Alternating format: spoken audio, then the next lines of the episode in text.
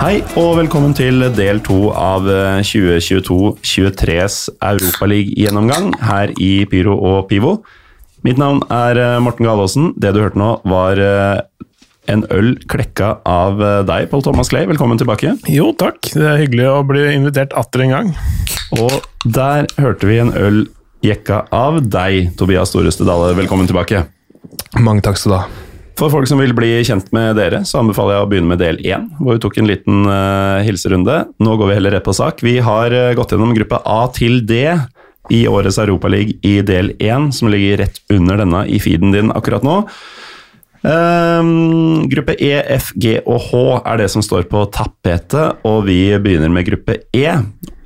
Vi sa jo i um, ja, andre halvdel av første del at uh, gruppe C var en veldig tydelig sånn to lag som kommer til å gå videre, to lag som ikke kommer til å gå videre-type. Det er vel ingen klarere sånn gruppe enn den gruppa vi nå skal ta for oss. Nei. Det er altså Manchester United og Real Sociedad, i tillegg til uh, FC Sheriff og Omonia. Uh, United kommer til å ta mest tid, så vi kan gå rett på dem. Ja. Erik Ten Hag, Clay. Ja. Han, det er en type. Det er type. Han har jeg sett spille. Har du det? Mm. Det, det, er ikke så mange som har gjort.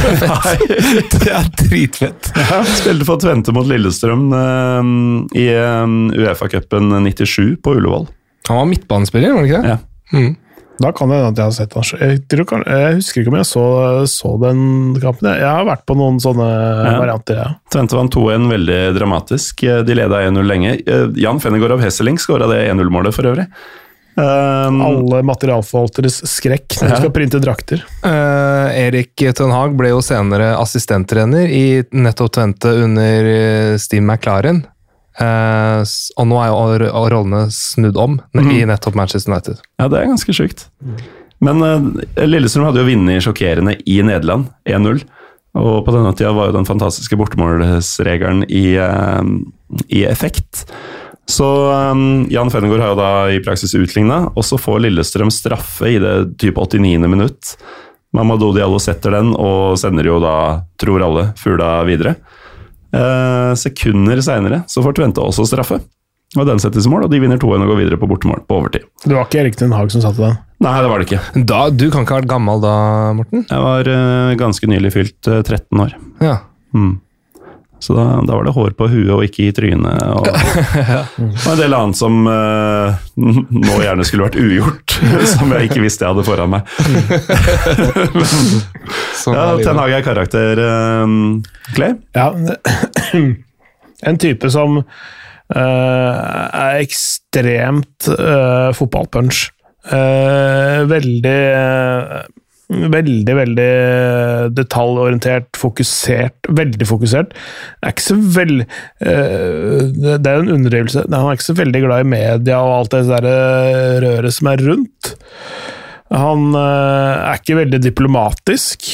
Han snakker ganske dårlig engelsk. Han trives dårlig i sånn intervjusettinger og, og kommer gjerne med sånn korte, snerpete svar. Du bør uh, helst ha forberedt deg godt og ikke uh, stille sånne flåste 'hvorfor benka du Ronaldo?'-greier. Du du må heller stille spørsmål om taktiske løsninger og valg. Altså Han kan bite, bite litt tilbake hvis han ikke eh, føler at du er liksom på nivå. da. Mm. Så han, eh, det er en type. Litt rart å være såpass eh, ja, ung og komme fra Nederland og snakke såpass dårlig engelsk. Ja, det- Når du er såpass si, skolert i andre ting. Ja, Jeg tror han er, er ikke han fra landsbygda, Pål Thomas? ja, det, det er, han, er ikke, han er ikke sentral, fra de sentrale strøkene, men, men, eh, men eh, det, det er liksom ikke det som har eh, drevet han framover heller. Altså sånn eh, Det internasjonale fokuset. Han ser på fotball, altså tenker, han tenker fotballspråket. eh, Det kan han jo. Til fingerspissene. Mm. Ikke sant? Men, men eh, ja, det er ikke alle som, som har den enkle interessen eller fokuset. ikke sant? Altså de, de, de, ja, sånn er han. Sånn er han. Eh, Du er jo litt sånn Du er interessert i det taktiske og, og trenerpersonligheter og sånn, Tobias. Eh, Hva, hva tenker du om Ten Hag i United? Nei, altså med fare for Nå håper jeg ikke de, de, som eventuelt kjenner til meg gjennom Twitter, må bare scrolle gjennom nå, for da blir det en del oppgulp jeg har nevnt tidligere. Men eh, Erik Ten Hag for meg eh, har vært en eh, person som jeg har vært eh, vanvittig begeistret for. En person jeg har skrevet vanvittig mye om, eh, og en person som jeg har ment at Barcelona har, burde ansatt ved tre treneransettelser. De har gått for en annen person. Mm. Um, Erik Ten Hag uh, alle vet jo hva han har eh, fått til i Ajax. Det er jo ekstremt imponerende i seg selv. Nå viser det seg at selv som Manchester United-manager så genererer han penger til Ajax gjennom enorme overgangssummer for spillere som han selv har utviklet, men sånn har det også vært før han kom til Manchester United. Han er, som Paul Thomas sier, en han er en fotballnerd. Han er en detaljfrik.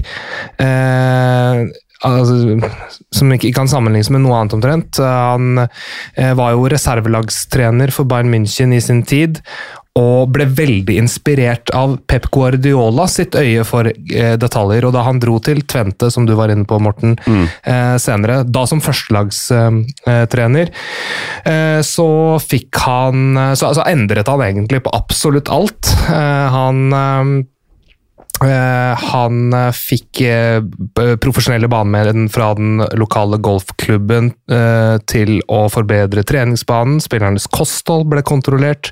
Treningsmengden ble ja, ble kontrollert, eller ble liksom mer det, det, var et større fokus på hvordan man trente, med det man kaller for høyintensitetskapasitet, at man prøvde å øke den osv. Og, så og at alle typer sånn her, hver minste lille ballberøring eh, ble analysert, hver minste lille bevegelse ble analysert. Så eh, den egenskapen han har der, som er helt unik, og som Paul Thomas sa Jeg måtte smile litt når Paul Thomas sa det, fordi at eh, det har vært mange aber til dette med språket til Ten Hag, også tidligere når han har blitt linket til f.eks. Barcelona da, eller Manchester United. Jeg pratet også med en Ajax-supporter som var usikker på hvordan han ville passe i, i, Premier League fordi han prater så dårlig engelsk, men fotballspråket hans eh, det, det, Fotball prater han flytende, og eh, det er kanskje større mangelvare det enn eh, en folk som sliter med det rent sånn ja, lingvistiske, da, det språklige. Mm. Mm. Um, det har jo blitt gjort en del på overgangsmarkedet også. Uh, Henta mye fra nederlandsk uh, liga, og her på Thomas, uh, må du forklare både Tyrell Malaysia og Antony uh, samt Lisandro Martinez, egentlig, for oss. Ja, det Man har jo sett hva de, hva, de, kan by på allerede. Noen av de har spilt flere kamper, én har spilt én kamp og har skåret et mål. Uh, nei, de, de er uh, jeg, jeg, var uh, klink overbevist om at Lisandro Martinez kommer til å bli bra. 100% enig. Ja. Han har litt det vi snakka om, det som Bodø-Glimt mangler, shithousery, men først og fremst en, en voldsom innstilling. Det er først og fremst hodet hans som er liksom er, uh, hans fremste egenskap. Han er, altså, en ting er liksom de fotballmessige ferdighetene, men, sånn, men at han er bra med ballen i beina, god pasningsfot til å være midtstopper. Og, så han er 1,75 høy og ikke spesielt godt bygd heller, men han mm. er en Uh, hvis det er, Han må være den leksikale oppføringen av fandenivoldsk innstilling. altså det vel italienerne kaller grinta, og liksom ha, liksom, har alt, da. Mm. Uh, uh, og sammen med Varan i det midtforsvaret der, ja. så er det noe av det bedre du kan oppdrive i fotballverdenen akkurat nå, faktisk. Helt enig. Er han det United håpa de fikk med Marcos Rojo for mange år siden? Jeg tror ikke de håpa eh, Det vet du, hva, Marcos Rojo Nei, nei, det var ikke De var ikke på den hylla? Nei, nei, nei, nei det var ikke i nærheten. Det, han uh, hadde spilt i sporting og gjorde et godt uh, mesterskap for Argentina. Ha, Marcos Rojo var jo en spiller som hadde det i huet. Jeg jeg syns jo nesten på Thomas at du underdriver de, de, de, tekniske ferdighetene hans. Ja. der også er han jo helt i verdenstoppen som, uh, som forsvarsspiller.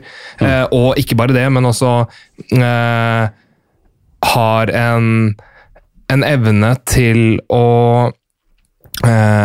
til å ta valg med ball, da. Som nesten er eh, midtbanespillere på den hylla forunt. Så, ja. Ja, det, det, det, Men jeg syns det er veldig bra at du, at du trekker fram det her med den der søramerikanske mentaliteten hans. For det er jo de to tingene som gjør at eh, Som kompenserer for fravær av centimeter. Mm. Og, du- og du kan, du kan uh, tilskrive mye, mye av den der, kalle den der lille aggressiviteten i, i hans spillemåte på, men, men han er i tillegg smart. da. Altså det, Ja, der hvor ja. Marcos Rojo ikke var smart, der er han eh, Mensa-medlem. Altså. Jeg mener, men, men, få se, se like gjerne på de duellene han ikke tar, som de han tar. Se når han eh, ikke liksom selger seg eller går all in i en takling, når han eh, skyr en hueduell, eh, og når han liksom faller av og gjør, gjør andre ting enn å liksom bare konfrontere. Altså bare, bare se litt på når han velger å gå inn og når han ikke gjør det. Bare se på de valgene han gjør. Da, da skjønner du litt mer av eh, hva han er, egentlig. Å skjønne ting i United, eh, Tobias. Altså, det har blitt sagt mye om eh, et par av de andre handlene. Eh, altså til en viss grad Christian Eriksen, selv om han eh, viste at han fortsatt kan i Brentford. Mm. Eh, men kanskje spesielt Casemiro.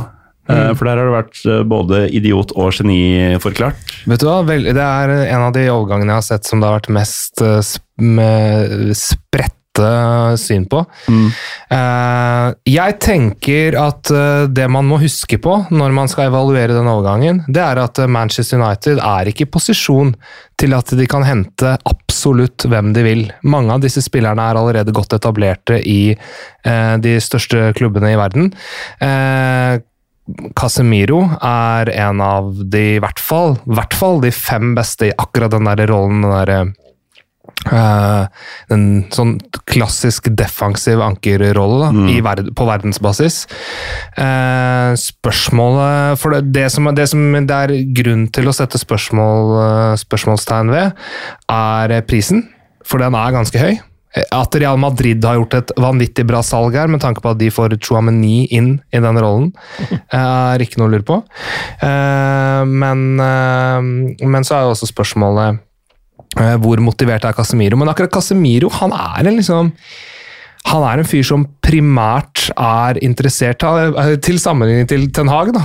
Han er ikke så glad i det styret rundt, og han er interessert i å spille fotball og har en helt enorm vinnermentalitet. Eh, Så jeg tror, jeg tror ikke han eh, som eh, Nå verserer det mange historier om da Angel Di, Di Maria gikk fra Real Madrid til Manchester United og i utgangspunktet ikke ville, men gjorde det fordi at han fikk så forbaska mye penger for å gjøre det. Det tror jeg ikke er tilfellet med Casemiro. Og får de Casemiro inn på Casemiro-nivå, så er det ikke noe å lure på at det er en bra signering for Manchester United, selv om han kan spille på, på høyt nivå i fire år til. Han. Jeg har et uh, siste spørsmål om uh, det sportslige i United, uh, nå som vi først er inne på det. og det er jo at Apropos penger og spillere inn. det er jo et par i beste fall varierende spillere som har blitt henta for store penger og med store forventninger ganske nylig. og Da tenker jeg spesielt på van de Beek og Jaden Sancho. Jeg trodde du snakket om Cristiano Ronaldo. Nei, han er ikke så interessert i.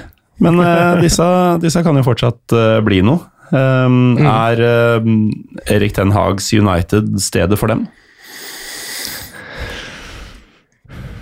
Jeg, jeg, jeg Jaden Sancho, tror jeg. Ja, det skulle jeg ikke si Eh, sånn. Men ikke, ikke nødvendigvis van Beek. Det, der er jeg fortsatt Jeg er ikke helt enig med meg sjøl, men jeg tror at han, han er litt mer endimensjonal, egentlig, enn det Ten Hag ønsker seg. Faktisk. Jeg, jeg er også usikker på om han har nivået til å kunne eh, bli en så viktig spiller for Manchester United som han var for Ajax. Men det var Ten Hags Ajax Ja, han spilte for. ja, ja. Men, men det er litt sånn som hvis Kjetil Knutsen hadde øh, dratt til hvilken som helst klubb, så, så, så er det ikke sikkert at Ulrik Saltnes hadde blitt med til alle klubbene. Ikke sant? Altså det, er, det, er litt, øh, det er litt det med altså Det er rollen i det laget og nivået. Det er nivået. Ja, øh, Så er Jens Petter Haugefella, da. Han ser dritbra ut i det laget, i den stilen. Ja, ja. Også, Ja, for, for, for eksempel. Han han var jo, han var jo øh, skal, skal vi si uh, Van de Beek er jo en sånn uh, utgangsposisjonen hans, hvis, hvis du hadde tenkt en 4-2-3-1, egentlig, selv om de spilte 4-3-3, så ville han vært en på en måte sånn der hvor nonstopen eh, er, Det er tierplasseringen, egentlig, men det er sånn, han rører litt i gryta bak toppspissen og, og leter etter sånne stikk som han kan eller sånn Stikkende løp inn. Altså han, Han er en free-roamer. ja, ja, ikke sant? Og ikke en, ikke en, ikke en tier som en tier Som en playmaker? Nei, men, Nei. Men, men, men som en sånn derre som eh, jobber langs hele forsvarslinja, egentlig. Ja. Mellom vingene og bak spissen, Mm. et eller annet sted. Eh, eh, Kall det en litt sånn eh, Kall det en offensiv åtter, Han, nesten. han, han, kan, han kan faktisk minne litt om Thomas Miller han, på, Ja. på, noen, på akkurat det der, og litt Ja. med han nye AC Milan, Charles de Catelere også, Mm, mm, med tanke på hvordan han beveger seg. Eh, ja. Ja, Men jeg tror i det laget, med den sammensetningen av spillere som er der, så tror jeg ikke nødvendigvis han passer så godt, rett og slett. Mm. Ja, men i, det 2019-laget, eller våren 2019-laget til Ajax som var eh, eh, hjerteskjærende nært en Champions League-finale, Mm. men som ikke fikk det. eh, der var han jo på toppen, da. Mm. Eh, han maksa nok eh, der, tenker jeg, egentlig. Og så tror jeg, men når det gjelder akkurat Jaden Sancho, da, så var altså Han eh, har uh, et potensial som vi fortsatt ikke har sett uh, konturene av ennå. Mm. Om Ten Hag er manageren som kan få Jeg tror det, fordi Ten Hag er så Jeg tror, så, som jeg har sagt mange ganger tidligere i mange andre sammenhenger, tror jeg Erik Ten Hag er eh, det José Mourinho var i på starten av 2000-tallet. Det eh, Pep Guardiola var eh, eh, litt før 2010, og det Jørgen Klopp ble etterpå. Jeg tror Ten Hag er på den hylla. Mm. Men det er klart at Og det er jo egentlig Vi, vi, vi snakka jo litt om Ten Hag før, før vi gikk på Paul Thomas, men eh, det er jo verdt å nevne at eh, så For å sitere Pål Thomas eh, man, tenker om, man tenker om Ten Hag at han er veldig dogmatisk, men han er jo eh, langt mer pragmatisk enn det man tror. Og Jaden Sancho har jo en del eh, liksom minus i form av at han ikke er en sånn Han er ikke noen superpresspiller, f.eks. Eh, men jeg tror at eh, eh, Erik Den Haag er i stand til å tilpasse seg Jaden Sancho og vice versa, og kan få det beste ut av eh, Jaden Sancho. Og talentet til Jaden Sancho, det er det ikke noe vits å bruke tid på å diskutere, for det er ubestridt. Det er ubestridt, og det er også ubestridt at United tar en av de to første plassene i denne gruppa, sammen med Real. Um, Reala er det det heter på baskisk. Ja. Eh, Real Sociedad, det, det laget man faktisk refererer til uforvarende når man sier Real, som mange sier eh, når de snakker om Real Madrid. Eh, og det er egentlig det jeg vet om Real Sociedad, Ja. så du får ta over, uh, Tobias. Ja, eh, det, vi kan godt si det igjen. Nå, nå drev jeg, hadde dere nøyaktig den samme praten i, i går med noen folk. Men nei, Real, eh, Real er eh, Real Sociedad. Mm. Eh, Madrid er Madrid. Eh, Real Sociedad har eh, vært et lag som i hvert fall jeg har tenkt eh, de siste årene har skulle klare å break through, da, sånn for alvor. Men de har alltid, hver eneste sesong Så de, de, de kan starte fantastisk godt og spille veldig energisk og fremoverretta og med, eh, med, med veldig sånn eh, Kanskje ikke si ballbesittende, men i hvert fall veldig sånn her ett touch-preget eh, offensiv fotball med stor grad av samhandling i eh, det offensive spillet. Eh, men så dabber de av, og så blir, blir de instrumentelle. Nå har jo Imano, Immanuel Alguacil eh, Han er jo for øvrig en eh, som har gått gradene i Real Sociedad som assistenttrener for B-laget, og hovedtrener for B-laget og assistent for A-laget, og nå eh, hovedtrener for A-laget. Vært der i mange, mange, mange år. Eh, eh, nå har de mistet en ekstremt bra spiller i mine øyne, selv om han ikke fikk ut eh, alt eh, han hadde potensial til i fjor, men Alexander Isak. Eh, de har mistet Porto, som har vært en, en viktig spiller for dem, i hvert fall fram til nylig. Mm. og Adnan Janusai, som har sin X-faktor, men som aldri har klart å liksom Han er ræva, han. Ja, det, er, det, er, det, er, det- det er noen år siden han var der oppe, Ja. tenker jeg, i Ja. diskusjonen om store spillere. Nå husker jeg forresten at dette har vi diskutert før, Morten. Jeg er helt enig med deg, egentlig. Men nei, det som er da, jeg, Adnan Janusai har et toppnivå som er helt vilt, men han er jo eh, Han er ikke en spiller som eh, bidrar eh, tilstrekkelig til det kollektive. Eh, men, eh, men så Men eh, Nei, jeg vet ikke helt. Real Sociedad er et lag som jeg tenker sånn i, Hvis vi snakker i ligasammenheng, så mm, er de en kandidat til topp fire. Jeg er litt usikker på om de greier det.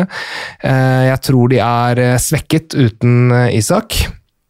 Men så skal det også sies at de har hatt skader på den store stjerna, da, altså Real Sociedads store sønn, eh, Miquel Orzabal, eh, og også eh, den, den som forventet at skulle være den nye Orzabal, da, Ander eh, Baranechea, eh, som nå eh, kommer tilbake.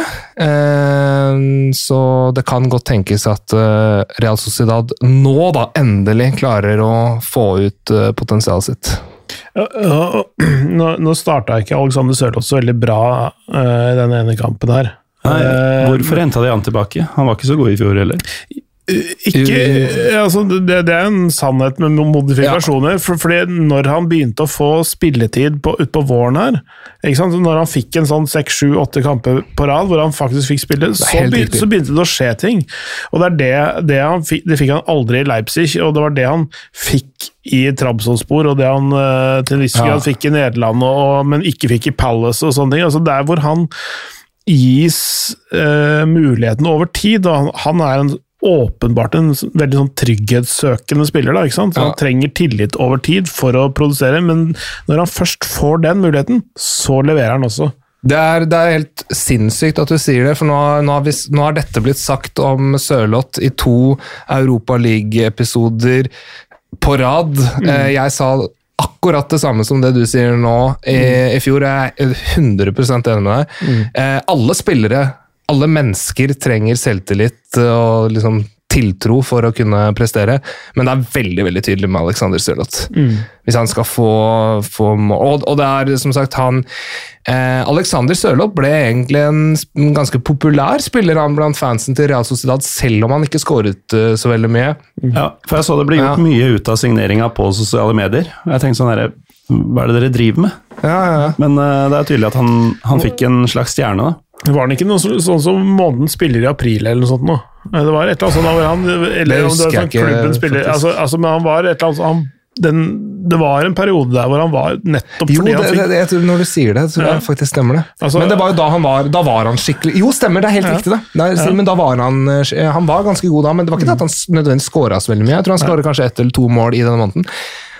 Men eh, Han tilbyr noe annet enn Bant opp andre spillere. Så må du Ja. se på de andre spillerne som Real Sociedad har. Da, for eksempel David Silva, Bryce Mendes, og Mm. nå har de også hentet uh, Takefusa Kubo, Kubo. apropos Messi, ny, nye Messi fra, nye, fra, fra uh, forskjellige eller diverse land.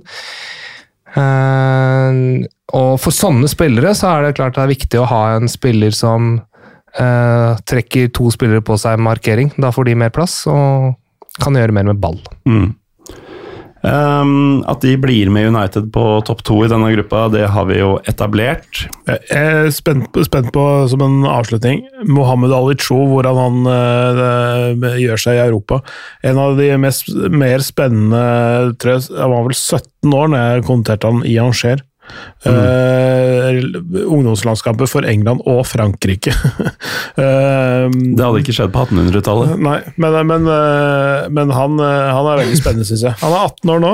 Han har spilt fire kamper i La Liga allerede. Ja, Eh, så jeg er spent på å se hvordan utviklinga hans blir. Jeg tror han kommer til å få spille mye, for du har, de har henta Omar Sadik eh, fra Almeria, som for øvrig fikk sitt gjennombrudd i Partisan. Bare for å holde deg interessert i samtalen, Takk. Morten. Eh, men, eh, nei, men Omar Sadik er jo han er veldig lik Sørloth i stilen, så jeg ser ikke for meg at de spiller med de to sammen på topp altfor ofte hvis de ikke kan. Så jeg tipper han får en del spilletid. Det er Momocho. Ja, um, blir interessant å se. Uh, det blir jo ikke Sørloth, i hvert fall. Uh, vi, uh, vi har jo også i denne gruppa Sheriff og Omonia, og um, det er jo ganske beleilig at eh, Sheriff ble prata ganske mye om i forrige episode av Altså ikke del én her, men forrige ukes episode av Pyro Pivo med Odd-supporter Tor Erling Vali Rugås, som faktisk var i Tiraspol, og så eh, Odd spille der for en del år tilbake. Så en ordentlig innføring i, i hva som er sjukt med Sheriff som klubb og Transnistria som område, det får man nesten bedre av å høre den episoden. Men eh, jeg kan jo si at de trenes av eh, Stjepan Thomas, mm. som var akkurat for seint inn på landslaget til Kroatia for å få med seg bronse i 98. Eh, men han er en av ganske få som har gått direkte fra Fenerbahçe til Galatasaray som spiller. Mm. Eh, Det skjedde faktisk eh, på 2000-tallet en gang. Um, og så er det jo litt sånn eh, Russiske klubber er jo kasta ut, eller hva du nå skal kalle det. da. De får ikke være med. Og det er litt sånn at det er helt på grensa, egentlig, om Sheriff skulle fått være med.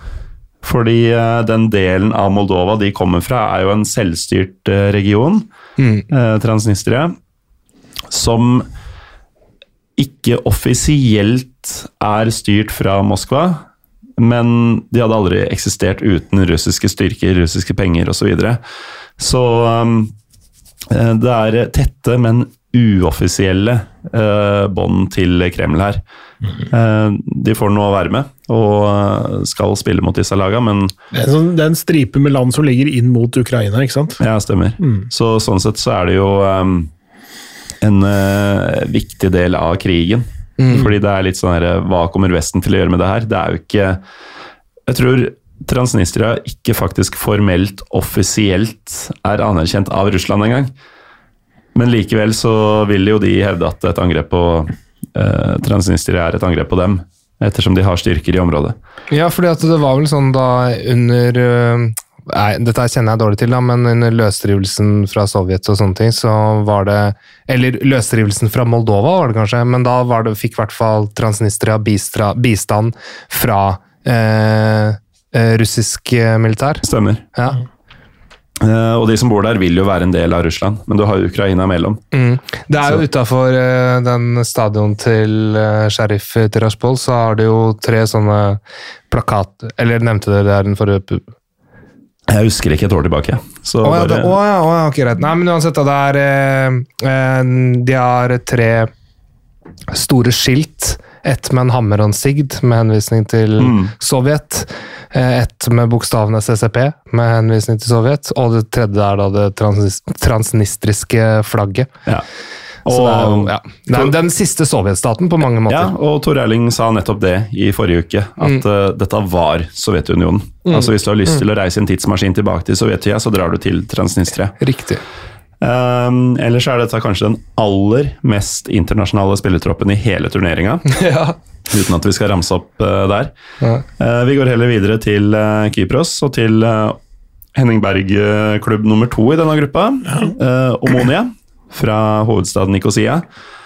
Um, du hadde ordentlig peil på Kypros uh, i forrige del da vi snakka om AEK Larnaca Clay, så kan ikke du sette i gang noe her òg? Uh, det er noen navn som dukker opp her òg, som er uh, eh, kjent med. Eh, Jan Lekjaks, eller hvordan du uttaler det. Han stopperne, eh, han eh, tsjekkiske stopperen, Ja, eh, som var innom Vålinga faktisk, i 2013. hva var det? Mm. Eh, han tror jeg har vært eh, innom enten i Young Boys eller Dinamo Zagreb. Jeg husker ikke helt, jeg har jo kommentert det i hvert fall en gang, men, men, eh, men han var i Vålinga i 2013. Så er derfor, det, det var det som liksom bare trigga et eller annet mm. uh, inni meg der. Og, og uh, Tim Matavs, som uh, spilte i Fitesse i, i Arnhem. Han spilte Spilte ganske bra, han. Mm. Han, han er en ganske god spiller, faktisk. Eh, lang karriere i, i Nederland, egentlig.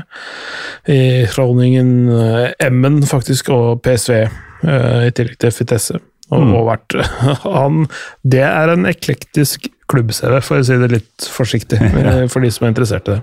Ja, men det er jo en del eh, Altså, det, det som er litt rart, da vi gikk gjennom AEK Larnaka, de ble nummer to eh, forrige sesong i Kypriotisk liga. Eh, Omonia ble faktisk bare nummer sju, men er med gjennom å vinne cupen, så vidt jeg kan forstå. Eh, eh, da vi gikk gjennom Larnaka-troppen, så var det liksom Det var ingenting å ta tak i. Her er det jo masse sånn halvkjente navn. Mm. På, benk, på, da- ben, på benken, eh, føreren på benken, kanskje aller mest, da. Mm. Og da tenker du på rødtoppen sjøl? Ja, Neil Lennon. det, nok en sånn derre Er det der du havna, ja? Ja. Det var, det, han tok seg Det er nesten som en ferietur for en fyr fra Glasgow, det der. Men da er de to siste trenerne til Omonia, det er Henning Berg og Neil Lennon. Det er jo, um, det er old firm, det.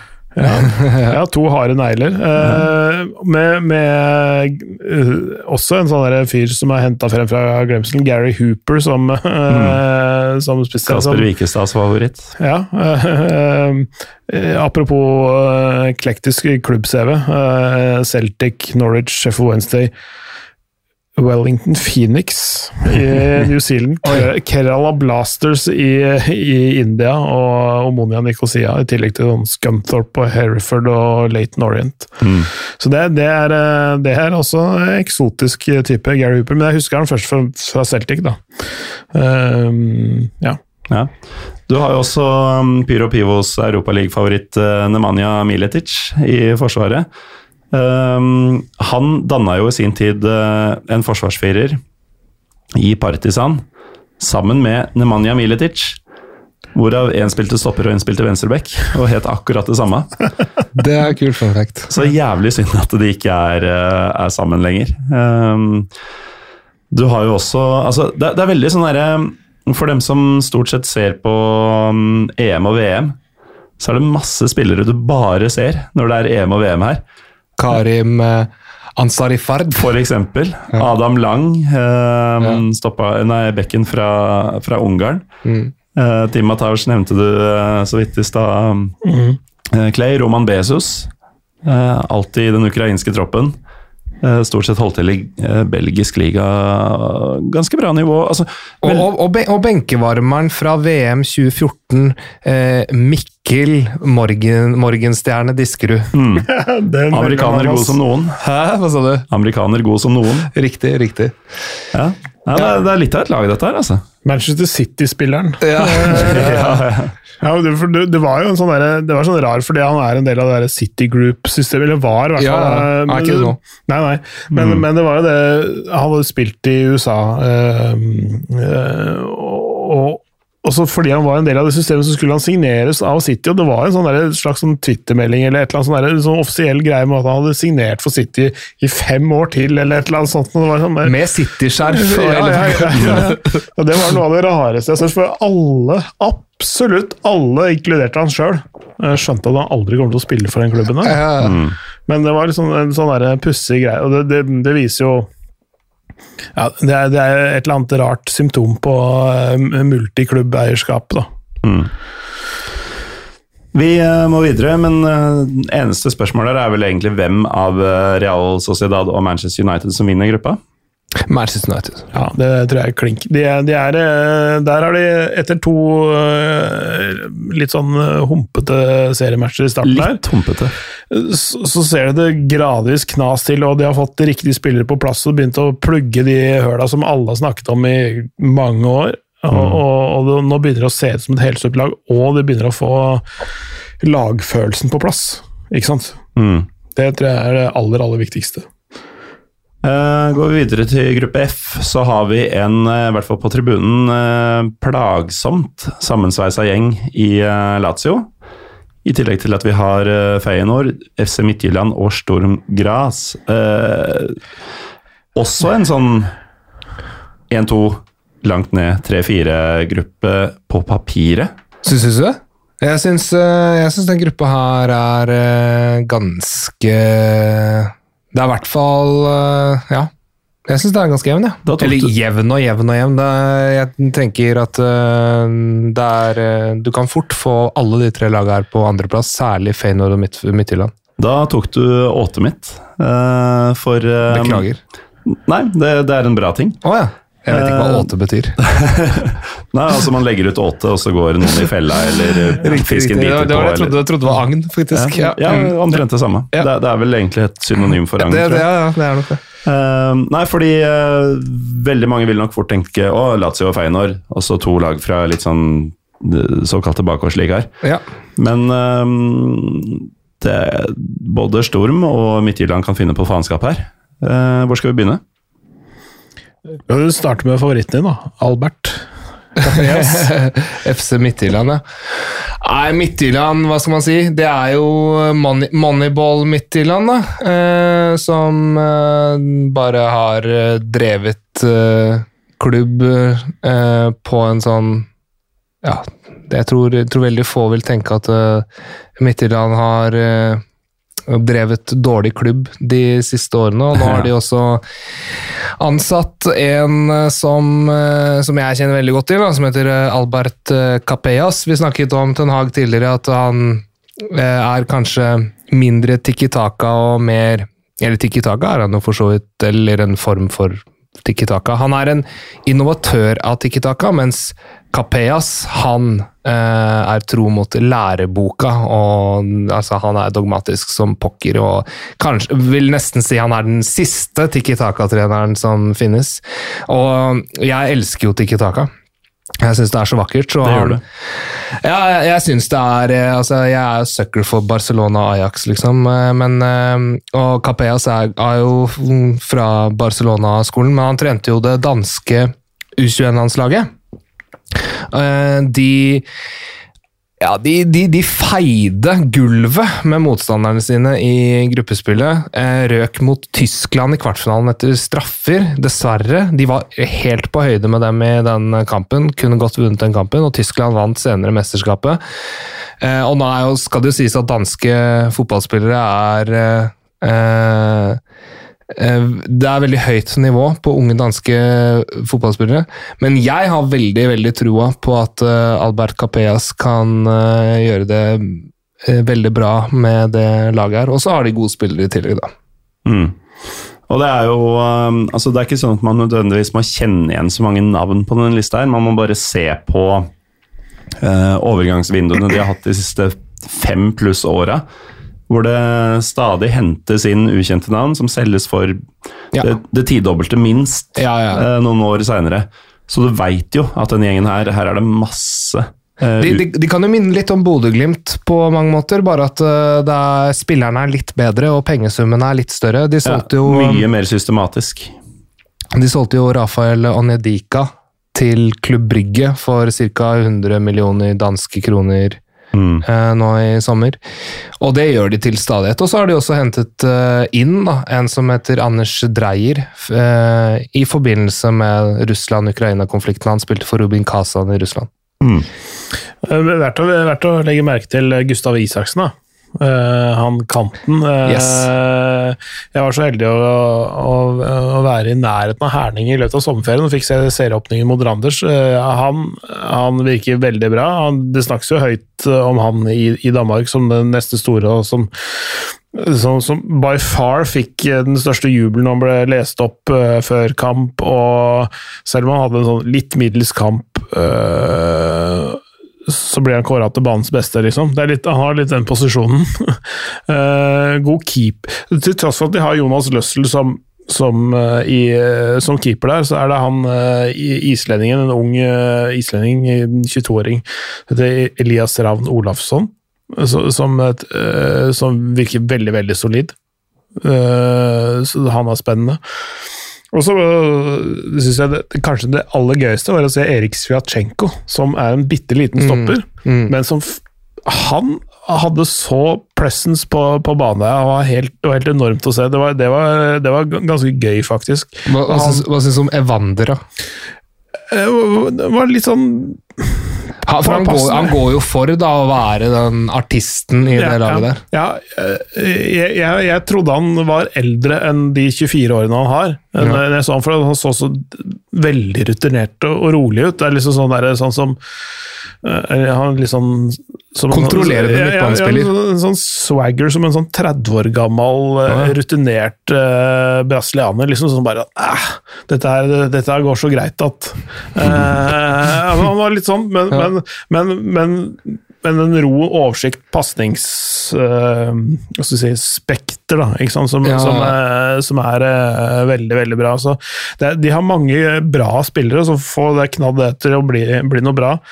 Det, nå sparka det jo Bo, eller Bo Henriksen tok sin hatt og gikk, og Ja. fikk Capea sin eh, siden jeg har sett det. Da. Men, Så det var et litt, litt annet type lag, kan, kan du si. Pione Sisto var uh, fryst ut på det tidspunktet.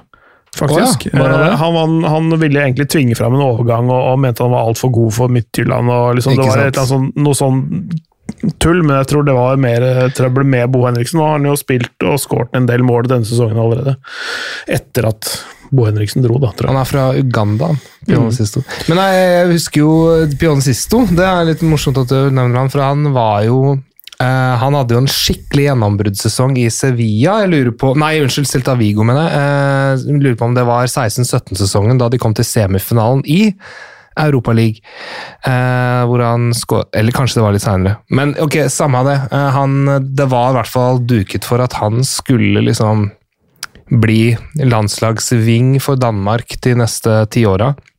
Men så kan man jo spørre seg om, da, om hvordan eh, ja, Om det er en, grunn til at han har tatt steget ned igjen til Midtjylland, og at han i tillegg blir fryst ut der fordi at han vil presse fram en overgang. Og, ja.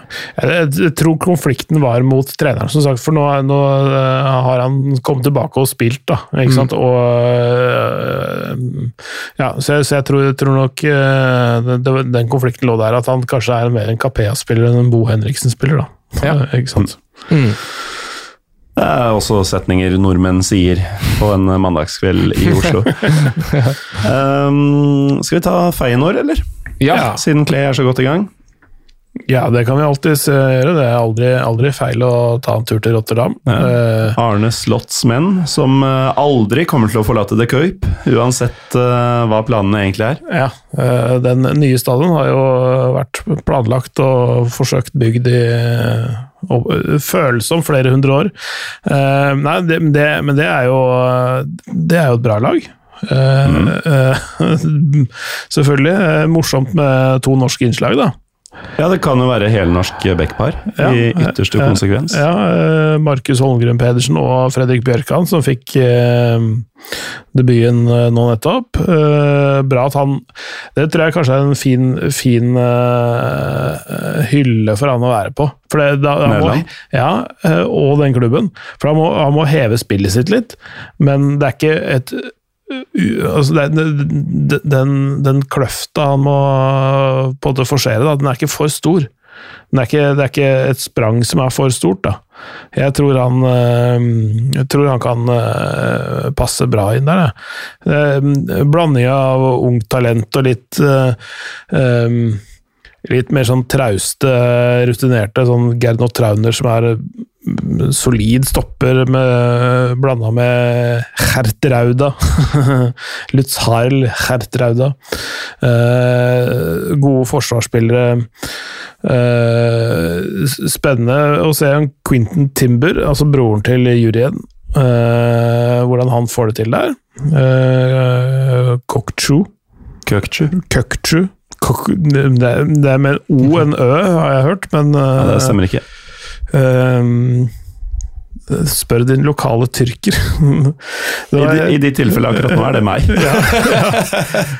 men, men i hvert fall, han, han, han, han har jo vært, liksom, vært snakka om i mange år, og, og til en viss grad til en viss grad innfridd forventningene, men ikke helt hatt den der, den voldsomme øh, kurven oppover som, som, mange hadde snakket om. da. Nei, det er litt det at han mm. fortsatt er der. Mm. Det er kanskje en skuffelse i seg sjøl. Ja, og det, at det er Fredrik Aursnes som drar videre, og ikke han. Det var mm. liksom ikke det som var planen i fjor sommer.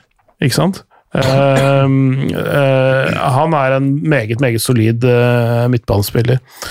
så det, det, er mange typer der. Men det er, det, det er litt tynt òg, da. Jeg henter inn Diller og Sund fra, fra Herta, vel. Ja, altså, med han og Bjørkan så er det to inn fra Herta, mm. og det er på en måte um, Altså, jeg, jeg tror ikke folk i Bergen dro til det skipet i 1349 for å hente masse greier derfra. Nei. Uh, uten, ja, ikke sant? altså det, det, det, er et ordentlig sånn gjørmehøl av en mm. fotballklubb.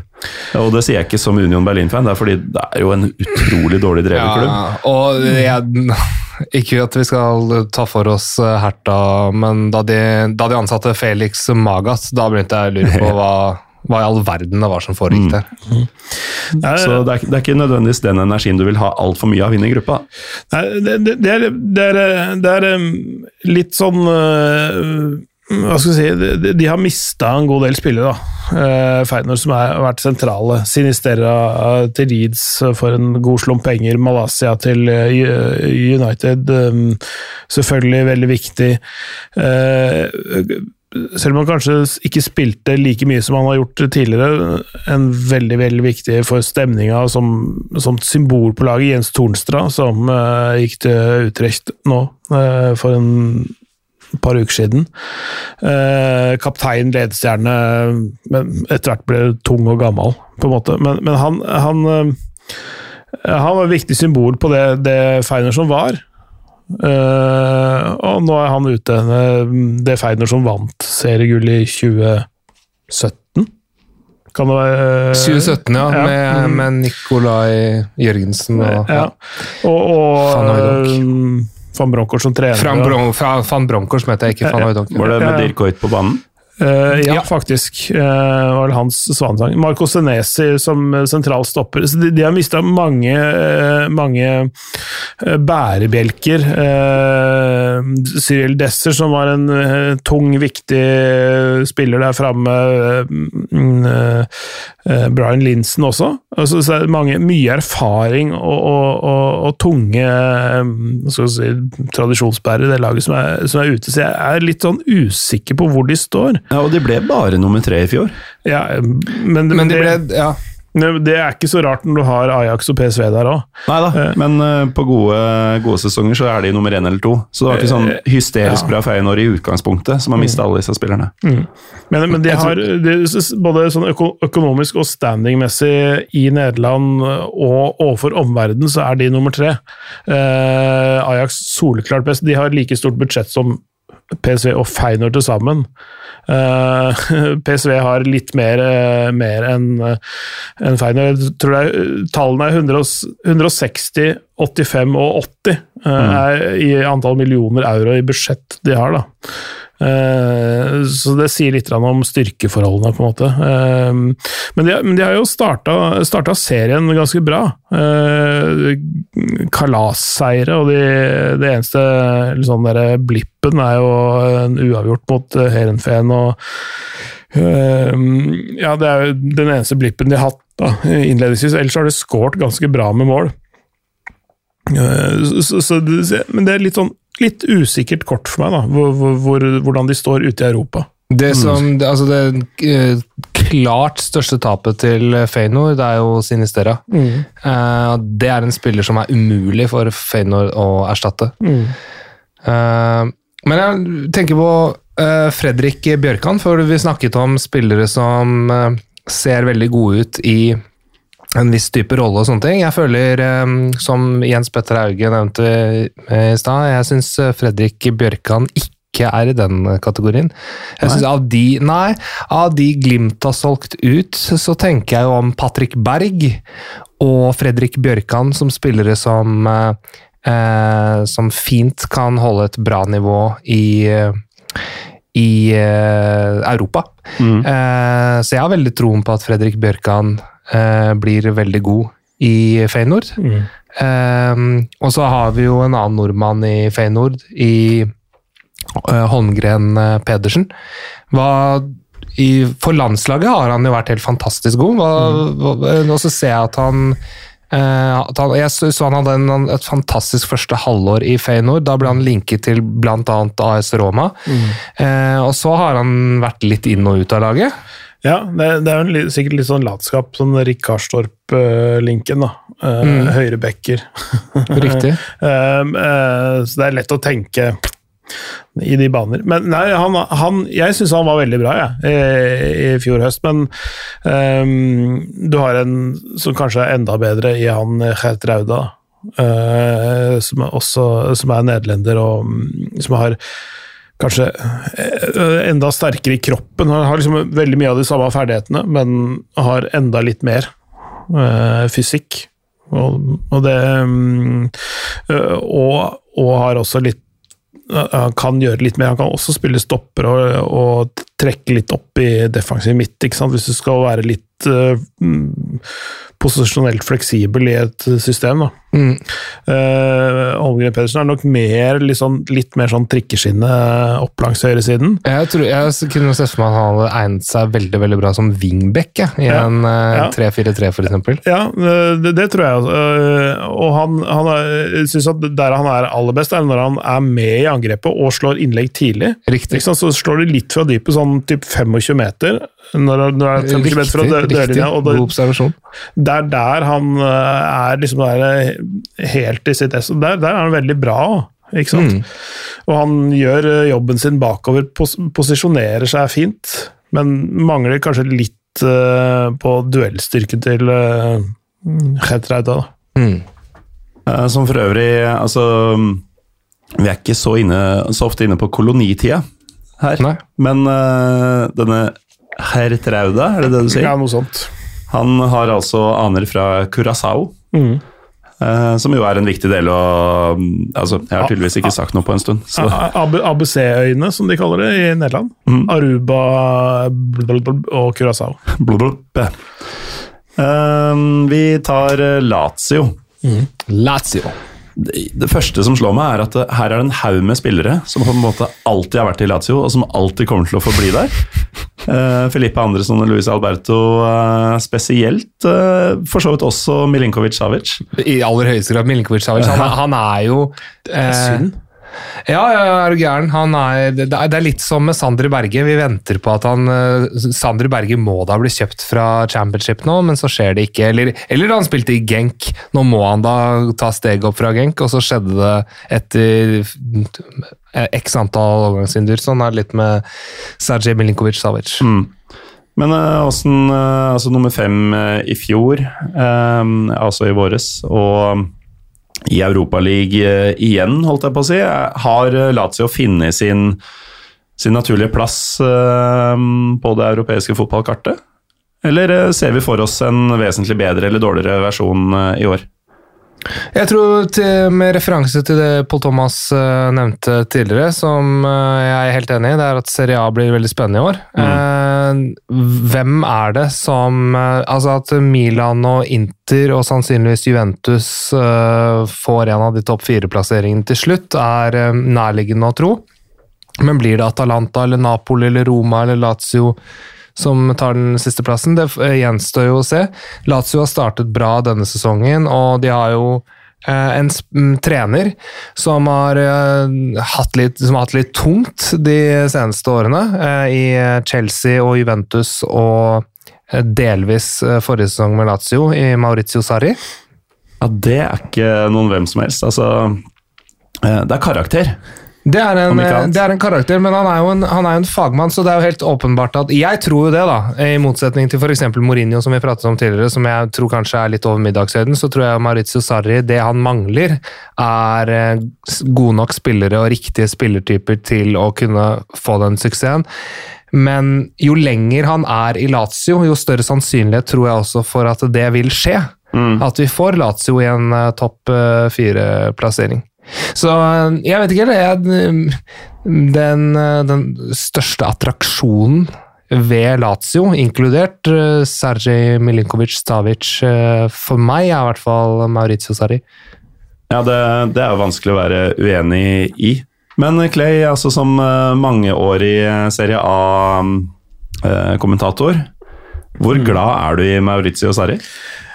Jeg, jeg, altså, hvis vi snakker om typer og karakterer på trenerbenken, så det, må jo det være noe eh, altså, Det er en mann som har fått bygd egne røykebuer fordi det er forbudt å røyke på benken, og, og sånne ting, og som har en egen uh, fyr, uh, eller materialforvalter, som kommer gående med espressokanna rundt, rundt hele banen for å helle litt i koppen til treneren på treningsfeltet. og ja, altså Du blir ikke så mye mer italiensk enn en kjederøykende fyr eh, som er totalavhengig av espresso, mm. og er fotballtrener. Mm. Nei, ja, det, det, er eh, Jeg er veldig, veldig glad i typen, jeg. Og så, så, er det jo det, det, det, han har gjort tidligere, var, har jo begeistret, selvfølgelig. Eh, så, så, er det om den samlingen her av spillere gir suksess. Da. Det er jo det er mye, mye det er i hvert fall flere spillere som jeg tenker kunne, kunne vært uh, hatt godt av å gå videre for flere år siden. Mm. uh, noen gjorde det og kom tilbake, Felipe Andersson f.eks. Uh, men uh, som dere var inne på, Milinkovic, Milinkovic Savic var jo sånn 100 millioner euro prospect for ja, fem år siden. da. Ja. Men, men, men han er ikke det nå. Uh, i det hele tatt. Uh, han har holdt på han har holdt på plassen sin der litt for lenge. Har ikke tatt kanskje turt å ta steget videre, ikke funnet det riktige tidspunktet å gå på og sånne ting. Så, så har han bare blitt der. Um, trives åpenbart, men um, ja, det, det, er mye akkurat, kule spillere, men, men det, er liksom, det, er noe, det er noe sånn derre Hit, men ikke lenger? Ja. Det, det liksom der, men, det, men, han har jo vært Det må jo sies det at han er jo en av de beste spillerne til Lazio. Kanskje den beste spilleren til Lazio, eller han og Immobile, da. Men, ja, ja. Eh, men han, eh, han leverer jo varene. Definitivt, men, altså, men da, da, kan man også stille spørsmål om hva, hva slags motivasjon har han, og hva tenker han om sin egen karriere? Han kommer ikke til å vinne noe Scudetto med, med Lazio. Nei, han kommer ikke til å vinne ja, maksimalt en Coppa Italia. Han kommer ikke til å gå spesielt langt i Europa eh, med det laget der heller, tror jeg. Så, så, så spørsmålet er liksom, hva, hva, er den indre driven hans, da? Uh, for talentet er ubestridt. Du ser jo det i, i enkeltkamper og enkeltsituasjoner. Han gjør fantastiske ting, men, men jeg tenker på det mentale ved det. At uh, du fortsatt er der. Jeg tror han fort kunne ha gått hvis han uh, ikke min, min, tanke har vært at uh, Milinkovic Savic har ikke vært god nok til å forsvare den 100 millioner euros-prisen som du snakker om, mm. og til at de klubbene Milinkovic Savic er interessert i å gå til, har villet punge ut for han. Mm. Det, er, det, det kanskje virka litt mot sin hensikt, det Lotito drev med, med, med da. ikke sant? Når han satte den prislappen på sånn. Ja, ja, men det er jo veldig mm. typisk Claudio Lotito. At ja, han uh, ja. Ja, altså, får, han har jo vært kjent for å si uh, ting som du får shortsen hans til 50 millioner. Ja, ish, ja ikke sant. Nei, det, men, men jeg syns det er sånn fra et fotballmessig perspektiv, et kult lag. Det er mange De har fått Romagnoli i sommer. Jeg skulle til å si Romagnoli er en kanonforsterkning, altså. Ja, ja. Og når, når de har shippa ut Ascerbi til eh, Inter, så er det kanskje litt av grunnen. Eh, at nå har de, nå har de noe, noen bedre der, faktisk. Mm. Uh, men, men, men jeg, Spennende lag som alltid, alltid er morsomt å kommentere, og egentlig morsomt å se. Ehm, så er det en sånn grumsete historikk og og fans. Ja, uh, Det er de si. ikke aleine om i denne turneringa. Nei, uh, definitivt ikke. Uh, men, men ja jeg har, jeg, har, jeg har, sansen for det. Eh, ikke, det, det, er ikke et lag jeg ønsker alt godt, nødvendigvis. Litt med tanke på det som er rundt. Mm. Men, men, eh, men eh, det er alltid, alltid litt morsomt er, å se Lazio, faktisk. Noen som veit om det er morsomt å se Storm Graz? Nei. det, det er et svært ubeskrevet blad, selv om de var med i fjor. Så jeg tror ingen merka det. Nei. Altså jeg, har nå kommentert i hvert fall det som ifølge Uefas ranking var altså seriefotball fra ni av de ti øverste nasjonene i Europa. Mhm. Det eneste som mangler, er Østerrike. Uh, og da selvfølgelig også uh, Storm Gras. Jeg tror jeg vil ha Jeg har kanskje hatt Rapid Wien én gang, så har jeg hatt uh, RB Salzburg Jeg kaller det RB Salzburg, jeg. Gjør Eh, eh, noen ganger i Europa. Uh, men, men jeg har veldig lite innsikt uh, i, i hvordan ting foregår der, utover at eh, Fjørtoft har spilt der, Kvisvik har spilt der, Mons Ivar Mjelde har spilt der, eh, Ragnvald Soma har spilt der, eh, til og med Thomas Berntsen spilte vel i Bregens, eller et eller annet sånt. noe. Altså, sånn, altså, det er et land hvor norske spillere har vært, men jeg vet veldig lite om fotballen der, egentlig. Mm. Faktisk. Ja, altså Vi har jo eh, hatt en slags kjepphest om at østerriksk klubbfotball har vært undervurdert, eh, fordi Lask hadde et par veldig gode sesonger. Eh, men det man ser nå, er jo egentlig at eh, Jeg så jo Austria Wien, de var jo sjanseløse i to kamper mot Fenerbahçe. Mm. Rapid Wien har vel ikke gjort noe på årevis. Og, Havna bak Molde i en eller annen Europaliga, om det var Ja. ikke forrige sesong, men året før der igjen. det, det stemmer nok. Eller var det forrige sesong? Mm. Eh, Et av de åra hvor vi sa at nei, de er fra Østerrike, de kommer til å være dritbra. Vi aner ikke hva vi snakker om, eh, men bare se på resultatene til Lask. Jeg tror, liksom... nok, jeg tror nok eh, Red Bull Salzburg har nok farga det der. Når du fikk både Red Bull Salzburg og Lask, Mm. da begynte man å stille seg så plutselig Og det, det var jo Det er jo helt reelt. De hadde vel tre lag i Europaligaen forrige sesong. Wolfsberger var der også, Ja. og Storm Graz. Og kanskje de hadde Rapid Wien òg. Eller ja, greit, jeg husker ikke, men uh, uansett, da.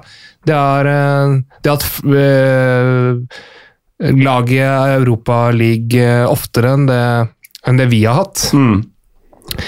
Så Ja.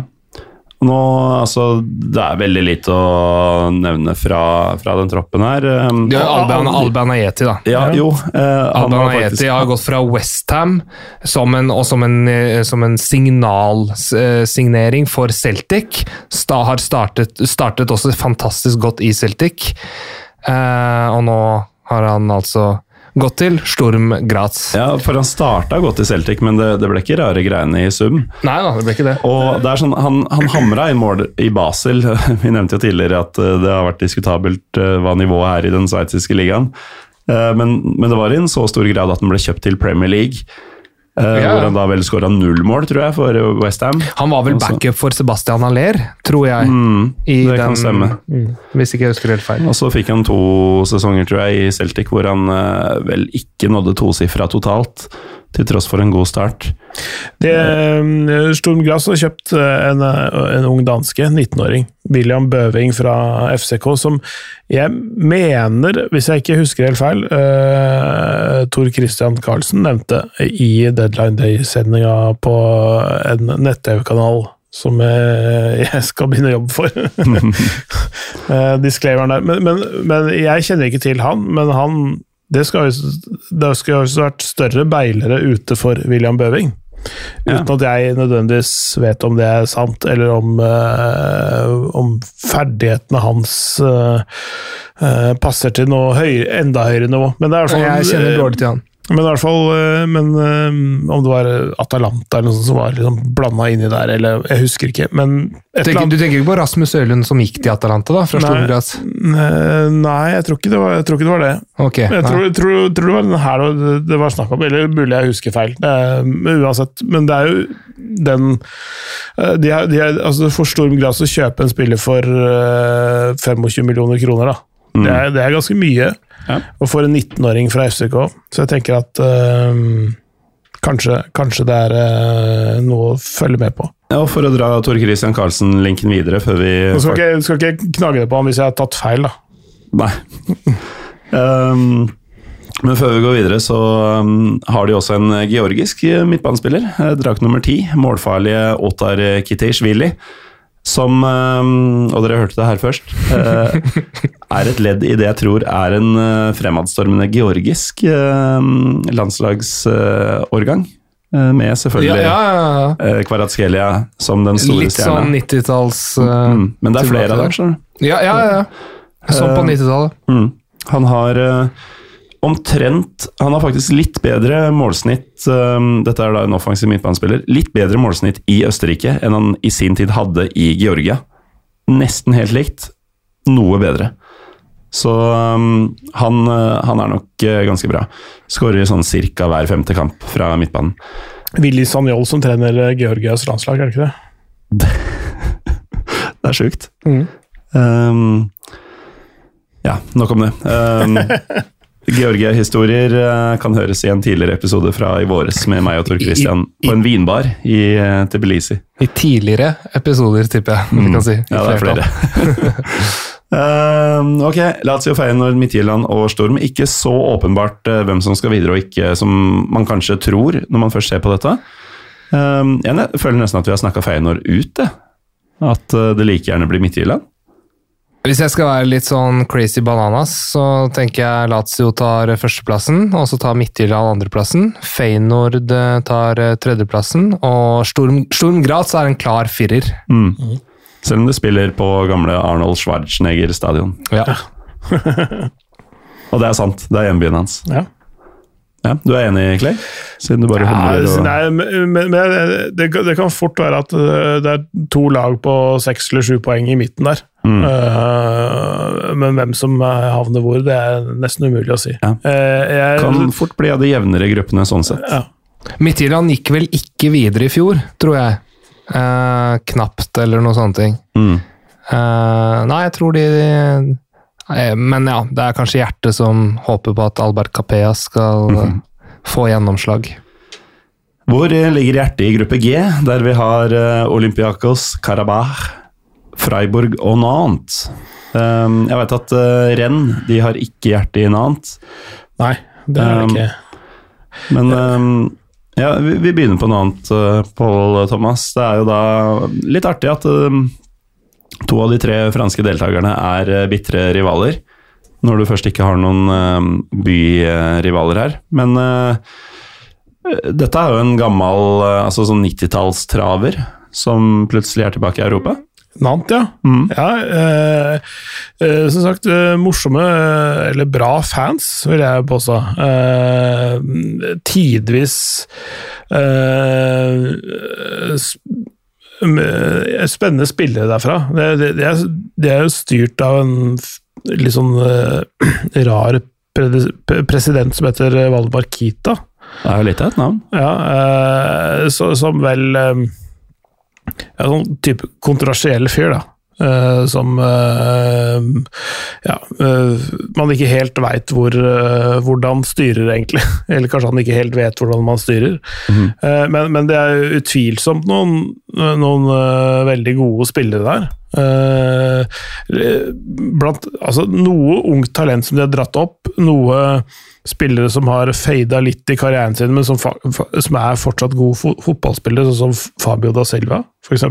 Det er jo fortsatt Det er selveste Fabio. Eller, eller, eller um, Mohammed Sissoko. Ja, øh, eller Mossa. Sissoko. Mossa, unnskyld, jeg fra, tenkte på- gamle Tottenham-spilleren, blant annet. Men, men, øh, men også, også Sebastian. Sebastian Corcia, som også var i sin tid en veldig lovende fyr. Men um, det er så en del folk rundt øh, 30, da, ikke sant? Sånn som sånn, mm, en eller to år den en eller andre veien, som, som er bra. Uh, Mann som noen Rosenborg trodde, eh, trodde de skulle kjøpe. eh, Pedro Crivella, hva er det det han heter? Han spanjolen. eh, som spilte i Liverpool i Riktig. riktig. Ja. Eh, de, de trodde han skulle til Trondheim, han, eh, han, han skulle jo aldri dit. Eh, men som er en bra spiller, og, og mm, først og fremst offensivt, kanskje, da, som det er lett å, å, å finne folk å snakke om. Mustafa Mohammed, som spiller på Egypt. Mm. Til Galla. Eh, ja. eh, Han eh, ble faktisk historisk i, i Tyrkia. Han eh, ble matchvinner da Galatasaray vant for første gang borte mot Fenerbahçe på 15 år, eller noe sånt. Mm. Eh, altså i dette mm, tusenåret. Mm. Det var vondt. Eh, For å hoppe til noe annet, da, for å snakke om noe som er godt istedenfor. Ignacios Ganago han, han jeg tror jeg kommenterte debuten hans i NIS. uh, dette her er, begynner å bli noen år siden, selv om han bare er 23. Jeg lurer på om det er fem år siden eller sånt. Ja. Uh, og um, jeg mener han skårte da, eller rett etterpå. Så han, han sånn eksploderte litt da han- var 18. Eh, Um, men klarte aldri liksom bite seg helt fast i en, en startplass der, og så etter hvert uh, ble han kjøpt av Lance da, for et par år siden. Uh, og, og vært uh, en, en, del av, la, la, oss si, det landslaget som har klatret på tabellen og blitt det, det det er i dag, men uten å være den faste brikken, men har vært en del av det. Nå er han i, i Nant. Uh, du har uh, Marcus Coco og Moses Simon, som veldig mange snakker om, som også er en sånn type si, Som har et veldig godt sett ferdigheter, men som aldri kommer seg helt bort fra klubben. da. Litt, kanskje litt sånn som, så som Belotti har vært litt. Grann? Så, så, så, alle ser jo at det er noe der, ja. men det er ingen som tør å satse på han. Ut, for, fordi de, de, er litt sånn redde for at klarer de ta det neste steget, type ting. da. Moses Simon slår meg som en spiller som passer veldig godt til å være en nigeriansk kantspiller som heter Moses. Mm. Uh, at det er liksom det er, det er, masse ferdigheter der, og så blir det sånn terningkast fire når du først skal opp på, på toppnivået. Mm. At uh, det aldri blir det helt store. Uh, for, for, han kan gjøre det, liksom, de mest spektakulære ting. Han er dritrask og sterk og sånne ting, men, så, mm. men så, de, de, siste sesongene så har han jo så har han jo skåret totalt 17 mål, da. 6 pluss 6 pluss 5 de siste tre sesongene. Og det er ikke, nå har han skåret to allerede denne sesongen, så det er ikke så, det kan at det er nå han slår gjennom i en alder av 27, men, men, men det er sånn det, det er der Nant er. Uh, at de har spillere som kunne vært noe, men som aldri har slått helt til. Da. Ja, og, og, det er jo... og, er, og da får du et lag som er litt sånn. Vi, vi må jo ta med også at dette er jo ikke et topplag sånn sett. Altså, De er med i egenskap av å vinne cupen. Mm. Uh, var vel så vidt de endte på øvre halvdel i fjor, hvis jeg ikke husker helt feil. Mm. Um, men de har ett uh, veldig stort talent uh, som vi ikke har nevnt, som også er litt sånn fyr som man trodde kanskje skulle dra for et par år siden. Han står bakerst og er blitt kaptein. Ja, mm. Alfons, Alban Lafont. Mm. Han er jo også, fun fact om han, han er jo en av veldig veldig få mennesker i verdenshistorien som har mottatt uh, karakter 10 på spillebørsen til Luckip. Jeg tror han gjorde det i år, faktisk. Mm. Husker du hvilken match? Jeg, jeg, tror det var mot PSG, var det ikke det? Cupfinalen? Nei, det var en seriekamp. Eller det, var, det kan godt vært en cupkamp, men det var i januar eller noe sånt. Mm. Uh, ja, det kan det ha vært. TIL-ekip uh, tror jeg som fransk fotballspiller jeg ville tatovert på meg. Du er, du, og jeg har null tatoveringer. Du er på uh, Ja, det var da de det var, i, var det mot PSG? ja, de, de, vant De slo i hvert fall PSG 3-1 i, i uh, midten av februar. Var mot PSG, ja, riktig. Det var Skal vi se, når var det? Det var, Hva sa du? Februar, ja? ja 20. februar, ja. Mm. ja. Så, så nei, det, er en, det, det, er helt klart en del av en generasjon med samme Areola og sånn som og Mike Mignon. Mm. oh, men han er vel den beste av de tre? Jo, jo, men, men tenk deg den, de, ja. tenk deg dra til VM med, med tre keepere som er uh, under 25, uh, eller hva det er for noe. Riktig. som er av den kvaliteten. Du ja. har jo Ugo Loris der òg. Ja, det er vel mange andre som tar over etter Loris, mest sannsynlig. Ja, ja, antageligvis. Men der er det der gror det godt, da, for å si det litt pent. Han, han, kommer ikke til å bli der for evig og alltid. Nei, nei, nei. Han er 23. Lafant mm. spiller sannsynligvis uh, Italia eller Spania neste år, tenker jeg. Ja, det tenker jeg òg. Mm. Neste sommer, da snakker vi om han i en annen klubb. Mm. Mm. La oss uh, snakke om en annen klubb, ja. uh, f.eks. Olympiakos. Det, vi, vi, har vært innom Henning Berg-gruppa som tidligere. Dette her er Taruk Elionossi-gruppa. Karabag Olympiakos. Ja. Ja, det, det er viktig å gi gruppene navn. Eh, og foreløpig så har det ikke vært noen sånn utprega sånn tribunekamper som, eh, som man ofte har sett for seg i, eh, i flere av disse previewene tidligere. Altså, det, det blir jo selvfølgelig Det vil jo bli meldt en del når Fener og Dynamo møtes pga. det som skjedde i sommer. Mm. Union kommer til å reise i tusentalls på alle bortekampene sine. Uh, men du, du har liksom ikke de derre De svære kanonene som skal opp mot hverandre.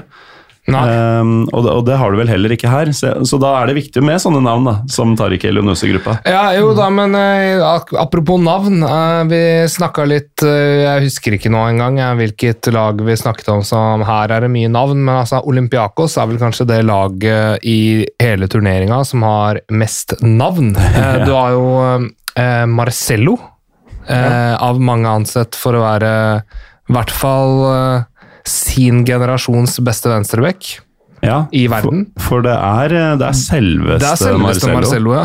Eh, Real Madrid-Marcello. Og dette begynner å bli en klubb som har, eh, har litt sånn track record på svære brasilianere, for Rivaldo spilte også her i sin tid. Rivaldo spilte der i sin tid. De har også en track record for venstrebacker. Erik Abidal var der. Mm -hmm. De hadde også Yaya Touré, så det er altså Olympiakos de, Av og til så skummer de i fløten. Eh, Ja, det er et sted du kan, eh, kan se noen svære navn. Ja, eh, og så har du um, Vesjalko der, da. Hæ? Vers- har du Sime Versalico har du. Han, Mm. uh, han er en spiller som jeg egentlig forstår lite av hvorfor eh, kapitulerte så til de grader. Uh, han var eh, kjempegod han hele tiden. Hvilket lag var det han gikk til Italia? Var det Å, herregud, Inter, var det det? Ja, han var i Inter, og så kom han tilbake til Atletico Madrid og spilte, klarte aldri å spille seg inn på laget, men han var jo en ordentlig sånn Mm. en viktig Diego Simone-spiller. En hardtarbeidende, eh, løpssterk eh, høyrebekk. Drømmebekken til Simone. Ja, han er jo Ja, bortsett, bortsett drømmebekken til Simone var Juan Fran, men, eh, men Sim Marsalico var absolutt en Juan Franesk Mm. eh, spillertype. Han er bare 30 år òg, så det er litt tidlig å gi opp, men det er litt av med det derre ja, Hva har du oppnådd, og hva ønsker du mer ut av karrieren din? Ja, Der tror jeg det går på mentalitet. Jeg tror han har ferdighetene og, til, å, til å kunne gjøre det bra. Um, Så er det jo maestroen. eh, altså Vi har prata mye om spillere som burde ha kommet seg av gårde mye tidligere. Eh, Kostas Fortonis, Fortunis, som Ja. nå nærmer seg 30 og um, har vært her siden tidlig 20-åra. Eh, noe sånt. Og vært helt strålende både for landslaget og Olympiakos i årevis. Nå eh, tikker klokka ut. Jeg tror ikke han kommer til å gå noe sted. Om han ikke havner i en sånn Al-Sad eller noe sånt. minner litt om uh, Alan Jagoyev. Mm. Ja, Som- som han, han aldri- er på en måte grekernes svar på alle disse offensive ja, ja. spillerne i russisk liga som eh, bare ble værende. Men jeg tenkte, tenkte en spiller vi kunne ta litt, rann, som jeg tror uh, Paul Thomas har full kontroll på, som, som jeg også har bra kontroll på, er Conrad de la Fuente. Ja, Mm. det Hva tenker du om han, egentlig? Han hadde en fryktelig lovende start i, Marseille. Jeg synes det var Oi, oi, oi! Fikk de han her for så lite fra Barcelona? Det var, var det Jeg tror de kjøpte han for tre millioner euro eller noe sånt. De, ja, de kjøpte han for, de kjøpte han for eh, lommerusk, men eh, Barcelona sikra seg 50 av videresalgs, ja. så det var litt av dealen. da. Ja, ja for, for der, tror jeg, der tror jeg taket er skyhøyt, men der er det igjen sånn eh, Og da er det jo feil klubbvalg på Olympiakos, men han får, får litt sånn litt ro rundt seg og liksom blir sats, satsa på og, og liksom ikke liksom blir blir skalta og valta med, da. Da er det jo absolutt i feil klubb, men, men jeg jeg tror tror taket hans er skyhøyt. Jeg synes han var bra, men han ble, fikk jo skader etter hvert. Han fikk et par eh, litt lengre avbrekk eh, fra sånn rundt nyttår. Eh, og, og kom aldri skikkelig inn i det, og kom aldri inn i det etter de skadene. Nei. Eh, så mm, han fikk liksom ikke etablert seg skikkelig, men jeg, jeg, jeg syns han så veldig frisk ut i starten. jeg. Ja, jeg tror kanskje at det han mangler, for sånn jeg ser det han, eh, han kunne hatt enda enda høyere tempo. Han har, er temposterk, det må sies. Eh, og så kunne han vært enda mer uforutsigbar i én-mot-én-situasjoner. Eh, men det er klart, eh, det er eh, sånn som kan eh, tilegne Jeg tror han er, For Olympiakos tror han er en veldig god spiller. Han er, blir jo da Eh, ikke nødvendigvis direkte erstatter, for du har vel Sinkernagel på andre sida, men du har jo en uh, Sinkernagel, da. Eh, apropos Bodø-Glimt-spillere som ikke finner seg helt til rette utafor Glimt. Så har du da Sinkernagel. Ja. Kanskje kan- en av de beste spillerne jeg har sett i Eliteserien noensinne, for øvrig. Det, ja, i hvert fall i nyere tid. I hvert fall i nyere tid. ja. Men eh, altså, De La Fuente, veldig merkelig eh, sånn bakgrunn her. Eh, Du har også en amerikaner som har hatt sin i hvert fall fotballoppvekst i Spania, Mm. og som nå spiller i Hellas eh, på utlån fra eh, det Clay kalte den tyrkiske klubben i Frankrike. Er det ikke ærlig? Det det er jo helt nydelig, men man blir jo svimmel av å snakke om det. Hva blir det, at det heter. Conrad de la Fuente, og er fra USA. Ja, og gjerne bare går under Konrad. Ja. Det, er- det er litt av en fyr. Ja, det er eh, eh, ja, en, en godtepose med mye forskjellig oppi. Og, og ny, ny Fader, i er så mange Galla-rejects som flyter rundt i Europaligaen. Du har Gary Rodriguez. Ja. Hvis det er han Gary Rodriguez Det er han, tror vet du. Det er han. Ja. Eh, Kapp Verde-fyren. Eh, stemmer. Ja, det, Og Manolas, da, selvfølgelig. Kostas Manolas er fantastisk, eh, eller var i hvert fall i Roma, syns jeg. Eh, Jeg likte Han, han, godt. han, hadde et, eh, han hadde et kolossalt tempoproblem, men eh, du tok jo igjen det på fysikk og smartness og posisjoneringsevne. Og, ja. Mm. Apropos navn, vi har uh, to sørkoreanere i denne troppen. Begge heter Wang. Mm. Uh, bare for å unngå forvirring. Det er litt som Nemanja Miletic og Nemanja Miletic i gamle dager i Partisan-forsvaret. Eh, disse klubba, altså Nant og Olympiakos, de skal opp mot bl.a. Karabakh, som eh, Vi har jo nevnt både Braga og Ludogorets som sånn same procedure as every year. Eh, Denne klubben må vel også inn der. De, eh, jeg er så lei av å prate om han Gurban Gurbanov og sånn. At, Han eh, holder koken. Han, han må jo være den treneren i, i Europa League som har vært i klubben sin lengst. mm. Garantert, liksom. Jeg tror han har vært der siden 2008 eller noe. Ja, det Han møter sin eh, match, tror jeg, i, ja, det, i, i det lagets, eh, eller siste laget i gruppa. Ja, vet du hva? Nå, nå hopper vi bare forbi eh, Karabakh. Vi har nevnt dem, og det er liksom veldig lite nytt fra i fjor og året før osv. osv. Spiller i eksil, har Gurbanov som trener, vinner alt i ligaen. Å ja. Og de skal møte Freiburg. ja. ja. Og øh, ja, hvem er førstemann til å google hvor lenge Christian Streich har sittet der? Han, eh, han har vært der i elleve år, mener jeg å huske. Mm. Eh, Og det er øh, som førstelagstrener. Ja. Han har vært i klubben, øh, så vidt jeg kan se, siden 1995. ja. Ja, det har gått gradene. I forskjellige- Eh, Men, men eh, det har hatt eh, Da har faktisk Gorban vært A-lagstrener ett år lenger enn Nei, nei, unnskyld. Tre år lenger. Mm. Ja, det er faktisk sant. Mm. Eh, Så, så, så han møter faktisk sin match der, da. Eh, Christian Streich, eh, Freiburg-treneren. mm. Og dette må jo være Altså, i likhet med Union Berlin, så var jo Freiburg farlig nære å havne i Champions League eh, under vårsesongen i Bundesliga, og dette må jo være omtrent den kuleste klubben i hele turneringa, med tanke på forutsetninger. Eh, bortsett fra Union, da, selvfølgelig. For eh, her er det hardt arbeid, eh, små budsjetter, eh, langsiktig tankegang. Ja. Veldig sjarmerende klubb, da. Eh, nede i Schwarzwald, nede i sørvest-Tyskland. Ja, langt inne i Svartskogen der. Ja. Eh, og en, mye bra spillere. Det, det er en, en klubb jeg har fulgt litt tett da, de siste årene pga. naturlige årsaker. Altså eh, senderettigheter for de jeg jobber for. men, men, men de har mye bra spillere.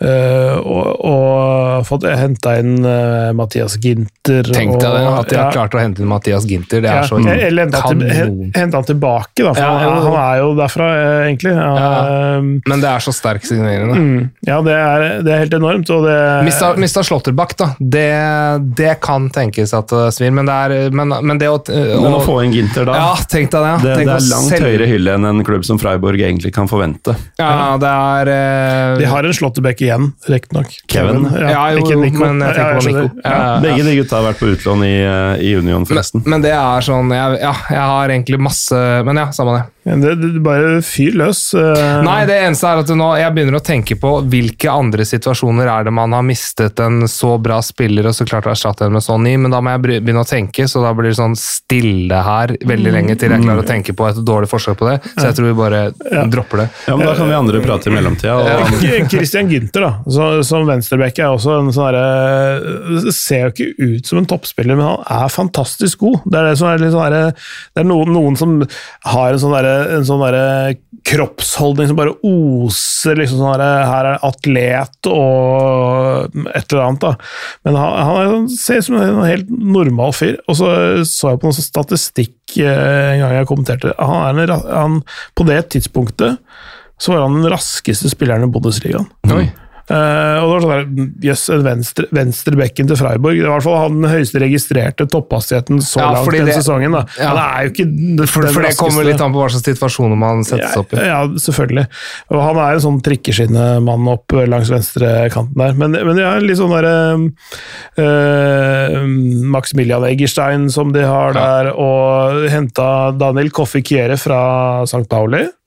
Eh, eller morsomt. Roland Salai eh, Også Vincenzo Grifo, som er en sånn ballartist, da, som jeg, som jeg liker Ja, godt. er helt enig. Han, han er jo, for meg da, i hvert fall, han er jo stjerna på det laget. Mm. Ja, Han ja, ja. er den Jeg vil ikke si han er den beste spilleren, men han er eh, Han er den smarteste og mest tekniske spilleren i det laget. da. Ja, han kan være til, til, til, eh, til en viss grad ganske spektakulær òg, men, men det, er, det, er Ja, litt, ja. det er litt langt mellom toppene. Men, men uh, kjempemorsom spiller å se på. Ha, ja, han er sånn Roberto Baggio light-ish. Mm.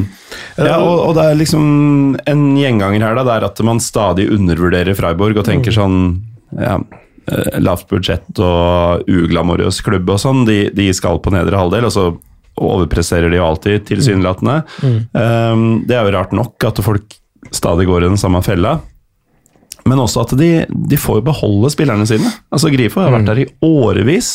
Roland Shalai har vært der i årevis. Riktig. Um, ja, uh, Philip Lienhardt, uh, for øvrig i sin tid henta fra Real Madrid, uh, syns jeg er helt strålende i midtforsvaret der. Um, og så har de jo da i tillegg krydra med Ritsu Duan, som var veldig god for et uh, ellers svakt uh, bilefelt um, det året de klarte seg. Uh, og har vært i PSV også, vel. Ja. Det er der, han, det er der på en måte han, altså han, han eh, tok Han har altså sånn, tatt litt sånn små steg hele veien. mm. og, og gjort det fornuftige valg på, på et eller annet vis. Da. Du kan si hva du vil om Arminia Bielfeldt, men, men, eh, men jeg har i hvert fall tatt sånn, sånn tripp-trapp uh, tresko. mm. Gikk først til uh, Groningen i Nederland, og så gikk han til PSV. Tok liksom in, internt der et større steg, og så til en bedre liga, men på et lavt nivå med Armina Bielefeld og nå Freiburg. Eh, ikke sant? Så da, det smarte, smarte valget var jo tilbake i PSV innimellom der, men, men eh, liksom bygd liksom karrieren sånn sakte, men sikkert. da. Eh, Og så- et poeng eh, der er jo at eh, han er jo en eh, eh, Han hører jo til en eh, helt unik generasjon av japanske vinger. Mm. Det er eh, Japan, Japan har aldri Jeg vil, nesten nevne at et asiatisk, eh, en asiatisk fotballnasjon har aldri noensinne produsert så mange asiatiske Den type spillere. Vinger og tiere, som, mm. som de har gjort nå. Kampai. Ja. Kampai. Nei, i det hele tatt en uh, veldig fornuftig klubb. Før, før, før, vi, før vi går videre, Morten, sorry, du skal få ordet etterpå, men jeg skulle komme på en sånn tilsvarende Ginter-Slåtterbakk-handel, fordi jeg kom på det, bare som et uh, vilt eksempel. Nå er jeg spent. Ja, uh, hva er det? Santi Cazorla, da han forsvant fra Viareal, så klarte de å erstatte han med det best mulig tenkelige alternativet, nemlig Dani Parejo. Mm. Du ender, ender opp med noe som er enda bedre. Nei, det, å, det, det, det, det, er, det er nesten som å si til meg at Ronaldo er bedre enn Messi, liksom. Altså, nei, jeg er skjønner. kolossal Casorla-fan, men jeg er også veldig fan av Parejo, så greit nok. Kunne vært verre. Ja, bare, bare poke the bear. ja, det jeg skulle si var at eh, det er eh, utrolig fortjent at eh, Freiburg og deres supportere får eh, denne opplevelsen. Eh, fordi det er vel knapt klubber i Europa som håper å si, jobber hardere for det de får, eh, enn det Freiburg har gjort over mange, mange år. Og, og er så nedpå og folkelig at trenerne kan sykle til trening Mm, og kamp. Altså, det, det gjør jo Christian Streich, det gjør han. ikke sant?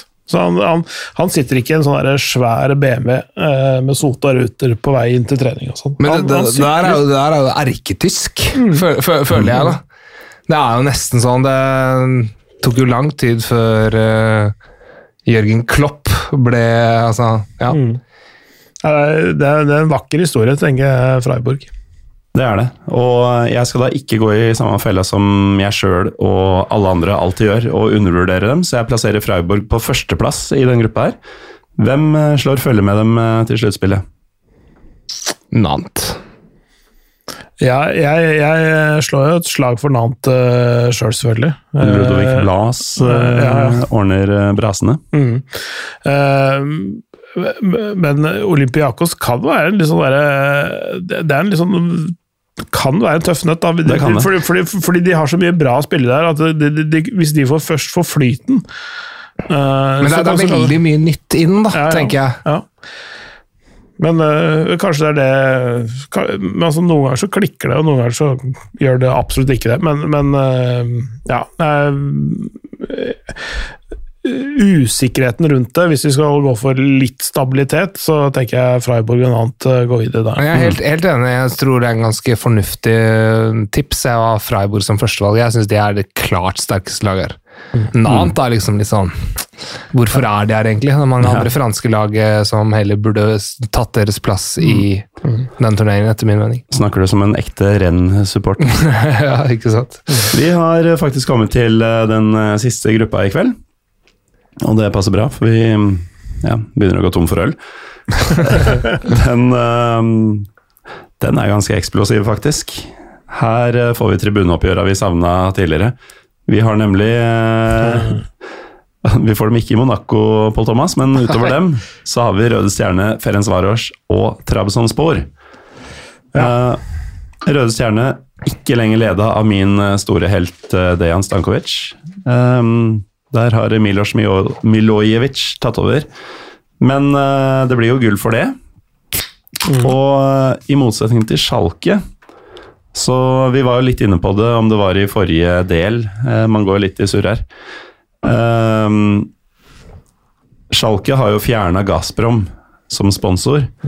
Eh, Serbia har jo et litt annet forhold til Russland enn det de fleste andre land i Europa har. Så Gazprom eh, er fortsatt en eh, stor del av Røde Stjernes eh, inntektsstrøm. Så de har jo mer enn nok penger til at det blir relativt enkelt å ta i hvert fall topp to-plasseringer i hjemlandet.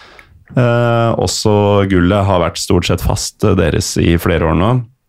Vært litt innom Champions League, men som oftest her. Det og, vel... og, det, og det, det må jo sies, Morten, at eh, de gangene de ikke har kommet til Champions League de siste årene, Mm. så har det vært eh, uforventet. Ja, eh, og du tenker da spesielt på Du tenker på både playoff-kampen eh, nå mot Makabi Haifa, så var det Mm. litt sånn bob-bob. Makabi Haifa kunne godt tatt den. I fjor møtte de vel Sheriff Tirashpol, hvis ikke jeg husker helt feil.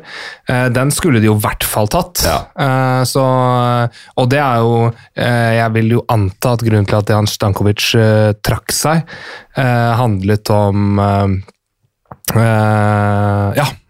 Misnøye om, rundt det, ja. Mm. mm. Det er vel eh, mer interesse for alt rundt eh, Røde Stjerne enn eh, selve gjengen de, de stiller på matta, men vi kan jo nevne at da vi, da vi snakka om dem i fjor, så var det sånn Til vinteren kommer Oyi og Moyonfo, og det snakkes om at han skal få spille. som da skulle bety at vi kunne snakke om han nå, men det får vi ikke gjort. Nei. For han forsvant like fort ut som han kom inn. Eh, og da sitter man igjen med en hel haug med Witcher og Over og Ever. Ved- altså, uten at jeg har fjorårets foran meg, så ser det ikke veldig ulikt ut, eh, det vi har vært gjennom tidligere. Eh, desidert rikest i Serbia, størst i Serbia, ganske dominerende i Serbia. Har vel egentlig fått sin, eh, sin eh, en ny storhetstid siden de eh, kom til finalen på slutten av 90-tallet og vant finalen i 91 i Bari mot Marseille. Og spilte da Champions League påfølgende år. Og da hadde tørketid fram til 18-19-sesongen hvor de deltok igjen. Stemmer. Som da var da starten på den nye storhetstiden. Ja, Hvori de bl.a. har slått eh, Liverpool på hjemmebane Yes. i Champions League-gruppespill. Ja. Da tror jeg det kokte ganske bra på uh, Rajko Mitic eh, stadion. ja. Eh, det var i hvert fall inntrykk jeg fikk gjennom eh, TV-en. Eh, apropos den eh, 91-sesongen da de vant, Mm. så um, har jeg lest i en eh, Jonathan Wilson-bok, eh, 'Behind the Curtain', Mm. at uh, da mm, Glasgow Rangers skulle møte eh, Røde Stjerne på vei til det som da ble gullet til Røde Stjerne, da, så sendte Rangers, eh, som da Jeg husker ikke hvem som trente, men det var en svær fyr. Fordi han sendte assistenten Walter Smith, som senere da skulle bli en ganske legendarisk eh, førstelagsmanager for dem, eh, som eh, ja, observatør. da. Han dro for å se Røde Stjerne i aksjon og skulle notere ned styrker og svakheter og sånn. Ifølge den boka så var notatet som Walter Smith kom tilbake fra Beograd med, bestående av eh, to ord. We're fucked. Og det var de. De røyk på huet og ræva ut, og um, Rødestjerne ble europeisk uh, mester uh, noen måneder seinere. Det blir det jo ikke i år, og det er vel ingen av oss som i noen særlig grad kan vurdere uh, hvorvidt de er styrka i forhold til i fjor, eller, eller noe. Um, Pål Thomas, du har ikke sagt noe på en stund? Tenker du på Svesta nå? Ja? Jeg ser bare at det er spillere inn og ut. og Jeg husker, jeg husker de var eh, Når de hadde Marco Marin der inne. At, det, at det, var, eh, det var en god, god periode hvor de, hvor de var nære ved å skape trøbbel for flere.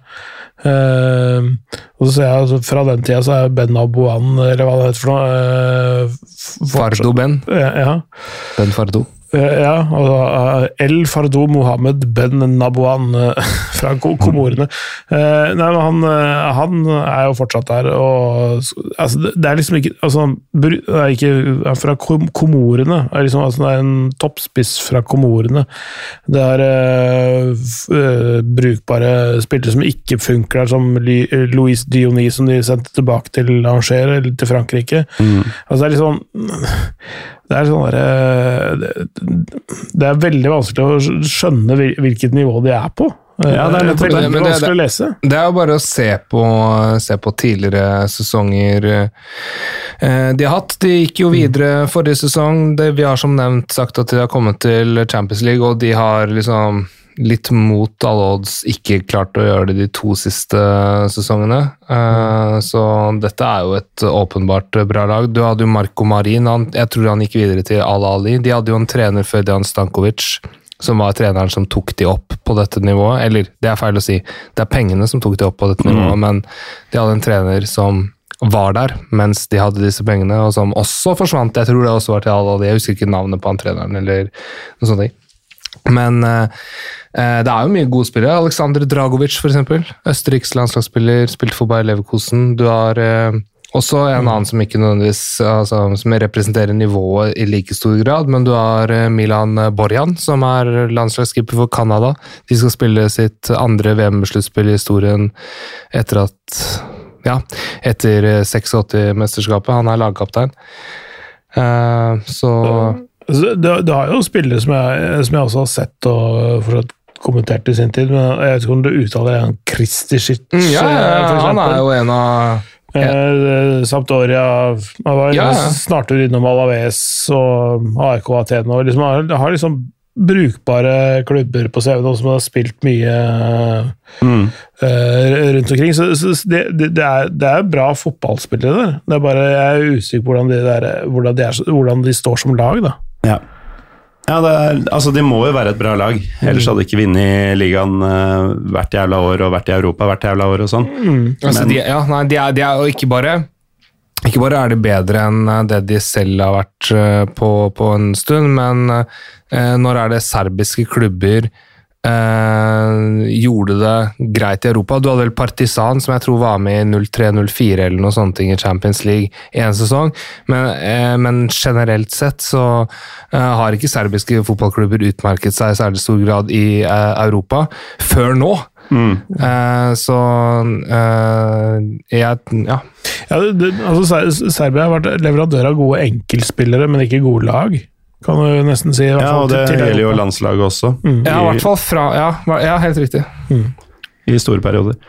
Uh, litt lettere å lese er kanskje Monaco, som eh, tok medalje i, i våres, uh, og som kommer litt sånn variabelt ut i serieåpninga i Frankrike, Pål Thomas. Ja, helt ellevilt hvordan de svinger fra de ja.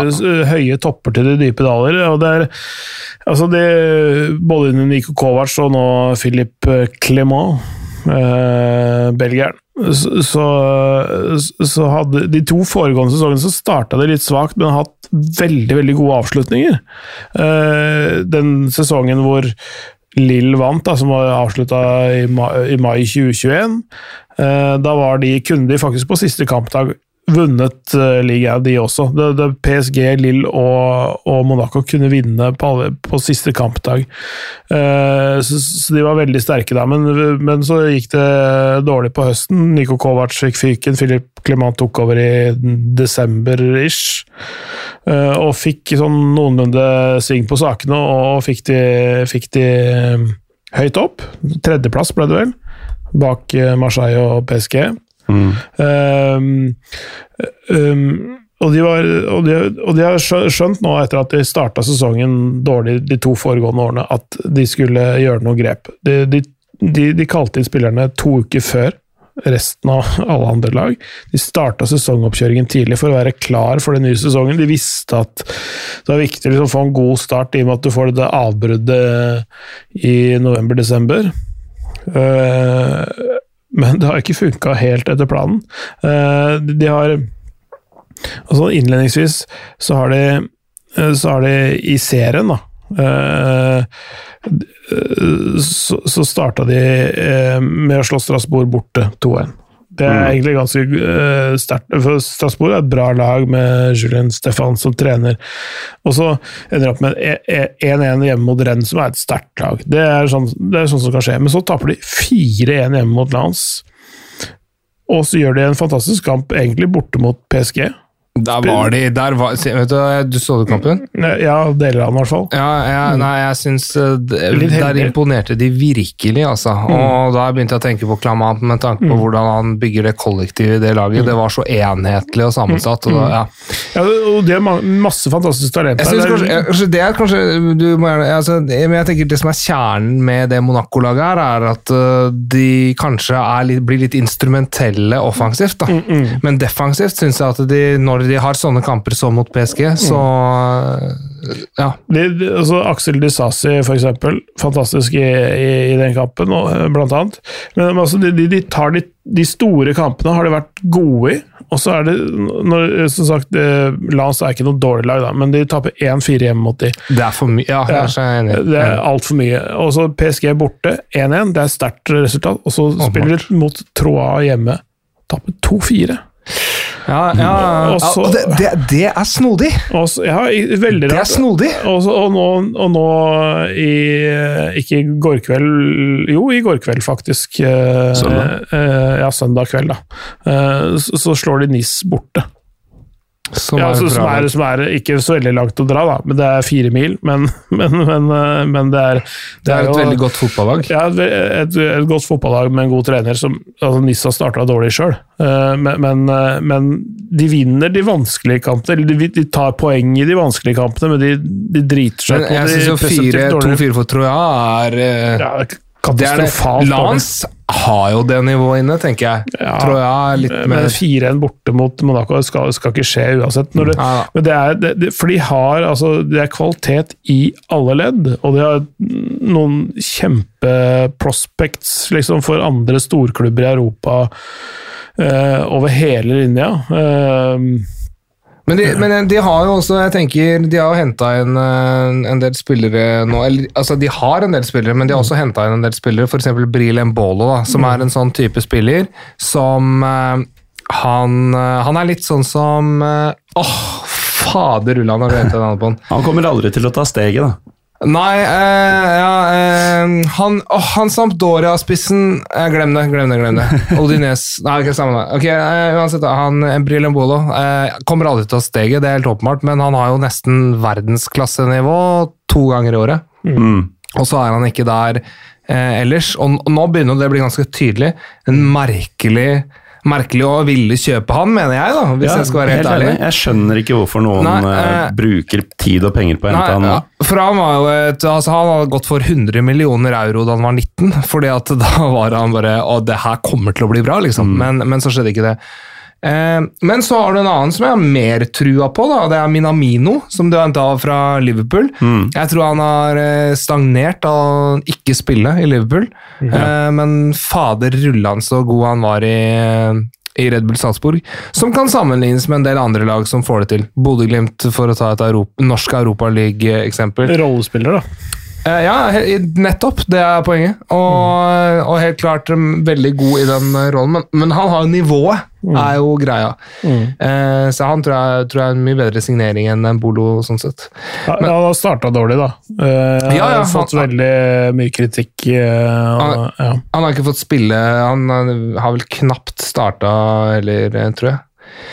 Ehm, og så, men du har en del andre sånne type Du har jo han eh, Krepin Diatta, er han fortsatt der? Ja, ja. Han, eh, han, Han har hatt- slitt med skader. Ja, Uh, og han, han sies at uh, har hatt en, en, en litt sånn oppsving etter disse skadene, så han, at han kan, han kan bli noe der. da. Kevin Folland har de der, og så har de selvfølgelig evig, evig Ben Jedder. Uh, eh, Ja, hva hva syns du om Ben Jedder? Jeg er La Liga-mann. Jeg Jeg, jeg, jeg, elsker han Ok, greit, da. Da har vi ikke noe, da har vi ikke noe å diskutere der, i hvert fall. Jeg, jeg, Jeg, elsker han. Jeg, jeg, jeg, jeg skjønner ikke jeg, jeg skjønner ikke hvorfor han spiller i Monaco.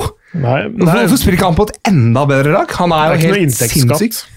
Ja, det er kanskje det. Men, men, men, men jeg, jeg, Han er jo så fordømt god. ja, utrolig fet spiller. Karrieren hans er helt latterlig med tanke på talentet hans, for å være helt ærlig. Men, men jeg husker han fra Toulouse, da, aller først. Det, Ja. Da var jeg, jeg det bare han Det ser ikke ut som han spiller fotball, det ser ut som han spiller futsal. og Det er der han egentlig Ja, kommer fra. Ja, ja, ja. Eh, Måten han tråkker på ballen og fører ballen så Det er jo, er jo ikke fotball, det er futsal det han drev med. Og så skårer han mål, og det er, det er det som er helt sjukt med han, det er at han har en pakke da, som gjør at han er på en måte, han har det der eh, naturlige talentet som, som gagner absolutt alle rundt han, men så har han også eh, den der naturlige målskåreren som enten bare eh, kan eh, sende av et kremrus eh, fra en litt sånn kjip vinkel, eller at han er eh, godt posisjonert.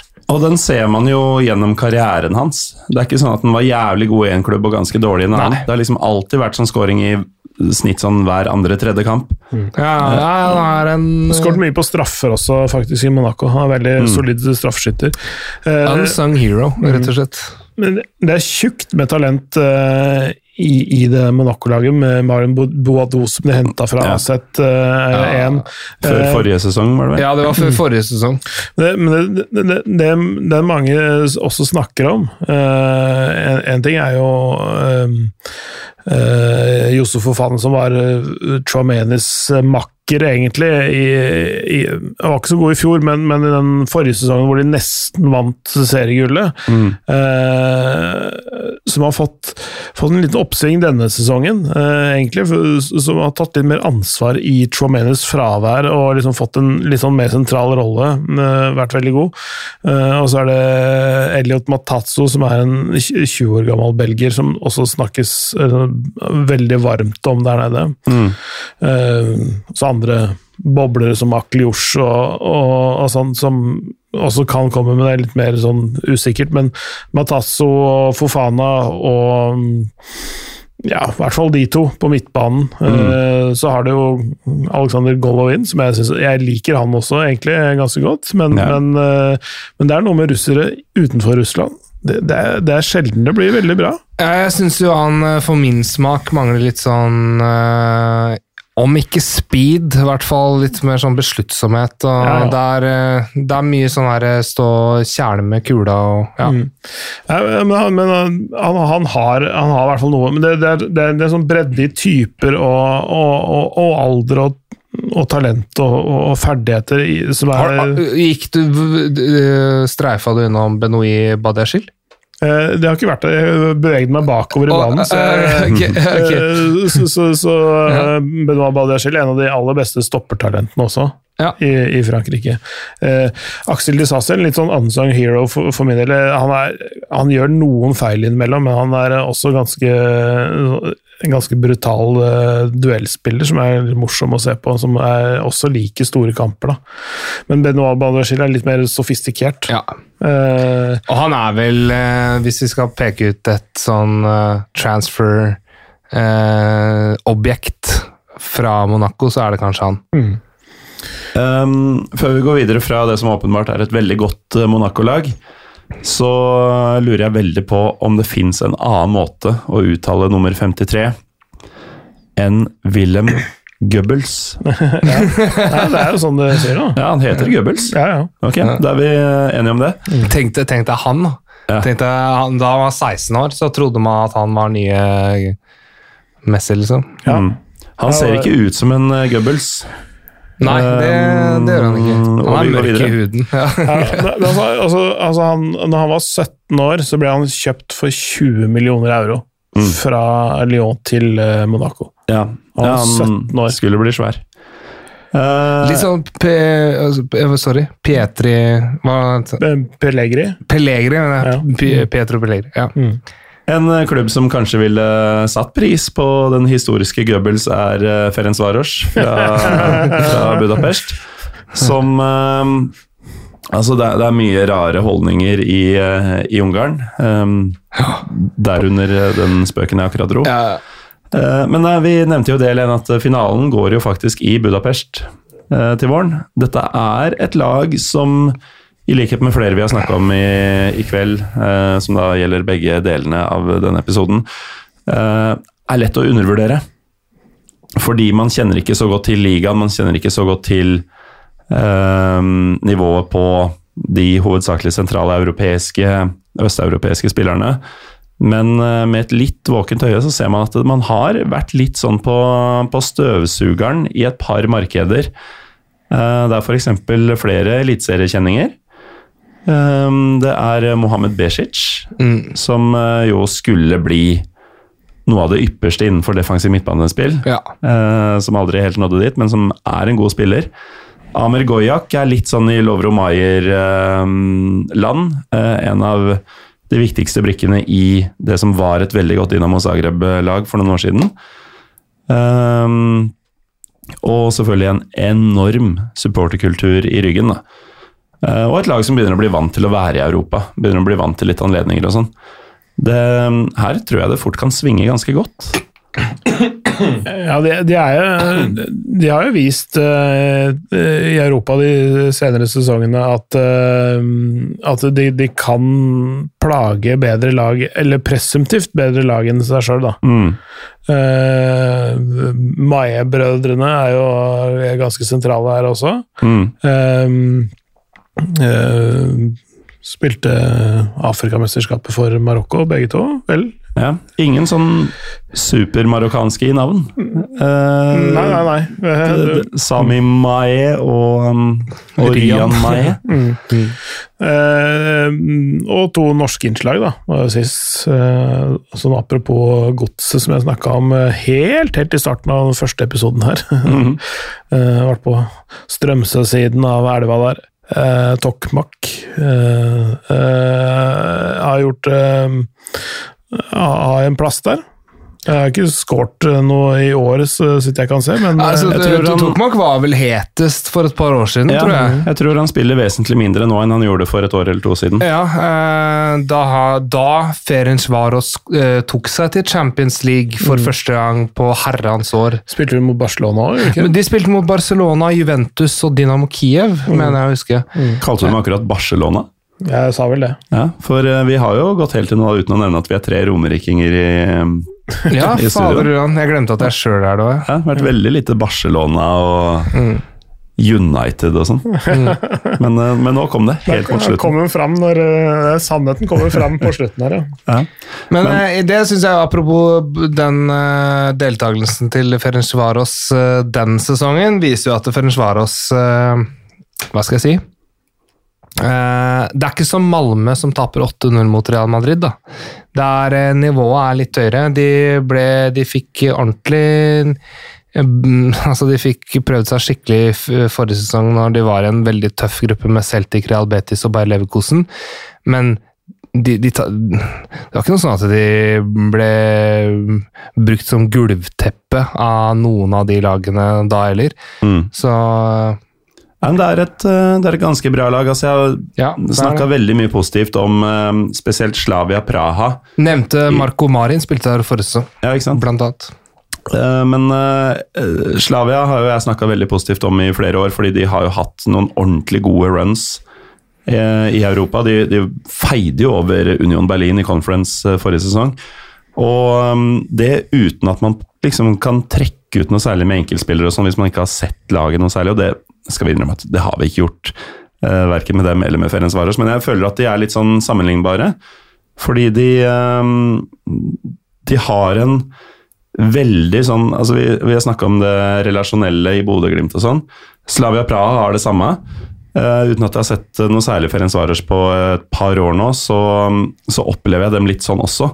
At de, de er veldig sånn De veit åssen de skal spille, åssen de skal framstå. Spillerne veit hva de skal gjøre. Altså alt er veldig um, forseggjort. Og um, når du da har noe bedre spillere enn folk kanskje tror, da, så, så er du i stand til å finne på ganske mye, mye kødd. Og dette er jo en gruppe hvor, eh, bortsett fra Monaco, det ikke er sånn Det er tre ganske gode lag, men tre lag som også har et ganske lavt bunnivå. Eh, Så jeg ser for meg at Ferencvaros kan utfordre om en, eh, om en plass videre her. Um, To, to tippeligakjenninger som begge har skåret tre seriemål til så langt i år. mm, Frank Boli og Sakariassen. ja. Så de har vi ikke nevnt før nå, har vi ikke det? Nei, det tror jeg ikke. Hvis ikke jeg har du- duppa av midt inni her. Jeg tror ikke det. Det kan hende. Jeg hadde et ganske sånn meningsløst resonnement for litt siden, og da skjønner jeg om, om man falt ut litt. Men eh, det betyr at vi har kommet til eh, det siste laget i turneringa. Eh, og måtte det ende sist på en eller annen uoffisiell tabell over 32 lag. Det er nemlig snakk om Trabzonspor. De ondeste av de onde. Når man trekker ut eh, både Red Bull-lag og sjeikelag og oligarklag osv. Uh, de fikk jo da og dette sier jeg motvillig, uh, omsider dette seriegullet sitt eh, i våres. Totalt overlegent når det først skjedde, med en uh, spillertropp som Altså, du, du får den jo ikke mer tyrkisk. Nei, det, Nei. Det er jo alle sånne uh, klisjeer på én gang. Ja, det er det. ja, det, altså, det, det, det, det ser det, Når jeg gikk gjennom alle disse troppene eh, forut for disse to episodene her, så var det sånn eh, det, det, Nummer én, det får ikke blitt mer tyrkisk, og det er altså så planløst og, og så, så random at, at det, det skal godt gjøres å gjøre det med vilje og få det mer random. Selv om du prøver hardt, så er det sånn derre Du du har gode, talent, gode talenter som er leid inn fra andre klubber. Du har eh, gamle helter som har gjort det veldig bra. I noen klubber så er det noen sånne som man trodde skulle bli bra, men som aldri blei det. Og så er det, altså det er en helt sånn usannsynlig sammenblanding av folk.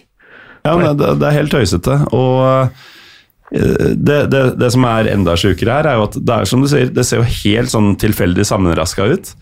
Men dette fungerte da så harmonisk at de bare løp av gårde og var totalt utilnærmelige i, um, i uh, tyrkisk liga forrige sesong.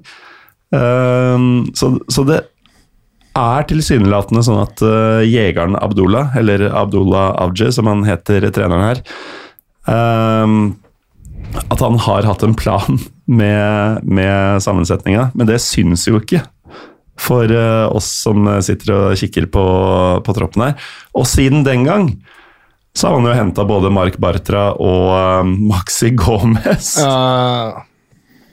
Ja. Det, det, er en uh... Håper alt dette er Anders Trondsen. Altså det, det, som er sjukt med det som er sykt, altså For det første, da. Det, jeg tror jeg har sagt det i hvert fall fire-fem år nå. Hvis du, hvis du, er fotballklubb og skal kjøpe en spiller, se om Valencia har noe. Fordi der får du spillere til en tredjedel av prisen de egentlig har vært. Maxi Gomez gikk for tre millioner euro.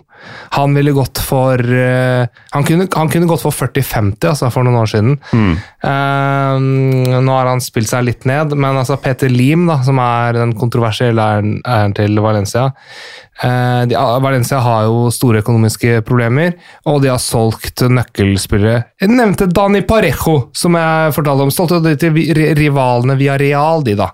Mm. Skjønner du? Ikke sant? Det er, eh, det er helt uh, hodemist, uh, det de holder på med. Gonzalo Gedes ble solgt nå. Du har en, en kobbel av eksempel på det. Ferran Torres, som gikk for sånn slikk og ingenting til Manchester City for et par år siden. Mm. men Maxi Gomez er jo faktisk en til Trabzonspor er jo en bra signering. Jeg nevnte Mark Bartra. Eh, en helt medioker stopper i La Liga-målestokk, men altså, han er jo han er en smart Hvis, hvis, hvis, hvis Trabzonspor har tenkt til å spille seg ut bakfra, så er jo han mer enn god nok for det i, eh, i, tyrkisk fotball. Hvis han har en spiller som, er, som tar litt de der duellene ved siden av seg. Mm. Why not, tenker jeg. Nachi Unuvar fra, fra, Ajax, som er et av de Kjempe, sto kjempetalent. Ja, store, store talent. Det som de har venta på, som er når uh, På en måte litt sånn, litt sånn i samme bracketen som, som uh, Abdullah Knori før han uh, kollapsa og ble mm. Ja, den skjebnen han fikk. Uh, liksom, liksom, jeg har vært liksom, nesten der, sånn store, sprudlende talentet fra Jung Ajax. Da. Han har jo ikke fått spille der i det hele tatt. Nå er han 19, uh, er leid ut i et år. Uh, håper han får spille mye, så han får endelig får vist seg litt på seniornivå. Da. Uh, det er et sånt spennende talent som de har lånt inn 19 år, istedenfor sånne gamle 30-åringer som er ferdige et annet sted. Hamshik, for eksempel, da, som også er mm. der. Uh, Instrumental i ligagullet, for øvrig. Ja. Eh, ja, ikke sant? Eh, og sånn, sånn Edin Vishka, som er din gamle favoritt fra Istanbul, Bashak Shehir. Eh, men, men, bra spiller, da. Nå, ja. nå kødder jeg ikke. Eh, bra spiller. Da de henta Vishka i, um, i vintervinduet, mm. det, var, det var prikken over i-en og mm. kroken på døra for resten av ligaen. Men bra spiller. Enorm. Ja, jeg, Utrolig undervurdert. At han ikke kom seg videre fra alle de åra i det der køddelaget ja. i den bydelen. For det, det, det, husker, husker jeg, for Du har ranta om uh, Bashak Shir tidligere, men, men, du har, ja, men, så, men så har du alltid holdt en knapp på han. Ja. Og, og liksom sånn Uh, han er den beste spilleren til, tross, til tross for osv. Uh, eh, alltid snakka varmt om han. Mm. Det, så det, så det, ja, nå har han gått til en enda verre klubb og vinner gull med dem. men, men, det er også uh, er, Jeg syns de har utrolig mye bra Bruno Perez. Altså, mm. jeg vil be folk Bruno Perez Smak på det navnet. Han spilte for Roma og Torino. Mm. Jeg tror det var Torino han skåra et mål mot Juventus, kan det, kan det ha vært det? Ja, mulig. Kan dere se det derre raidet fra høyre bekk, hvor han bare løper gjennom hele banen og skårer? Har dere er det noen som vet hva jeg prater om? Jeg, tar ikke den i farta, men, nei, nei. men jeg ser ta, det for meg. Ta, ta, ja, eh, ta Google det målet. Det er et av de råeste målene jeg har sett. Så har du Jens Stryger Larsen. Ja. Som uh, venstre back. Som hadde passa veldig godt inn i Omonia, med tanke på at det er sånn spiller man bare ser hvert uh, Ja. mesterskap. Ja, men han er jo liksom uh, flere danske, landska eh, danske landskamper og Ja, flere danske landskamper. Og, og, og, og var, nevnte vi Marek Hamsik?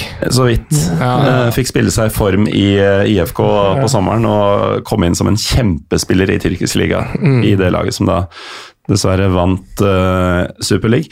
Veldig åpen gruppe i mine øyne. Eh, jeg tror vi er enige om at Monaco går videre. Ja. Ja, i, i, her eh, må jeg bare, bare si det at jeg er litt usikker. Dette er en av de mest åpne gruppene. Ja. Ja. Vi, vi sier den er eh, ganske åpen. Folk får gjøre seg opp sin egen mening og, og se matcher. Dette begynner jo nå på torsdag, eh, og da går det ball i ball. Dette er en fin årgang av Europaligaen. Uh, nå er det veldig mye i systemet som skal ut, så jeg takker deg, Tobias Storeste Dale, for at du stilte opp. Selv takk for at jeg fikk være med. Og deg, Pål Thomas Clay, for at du stilte opp. En sann glede. Takk til deg som hører på. Vi er PyroPivopod på Twitter og Instagram. Mitt navn er Morten Galaasen, og vi finner vel på noen nye episoder framover også.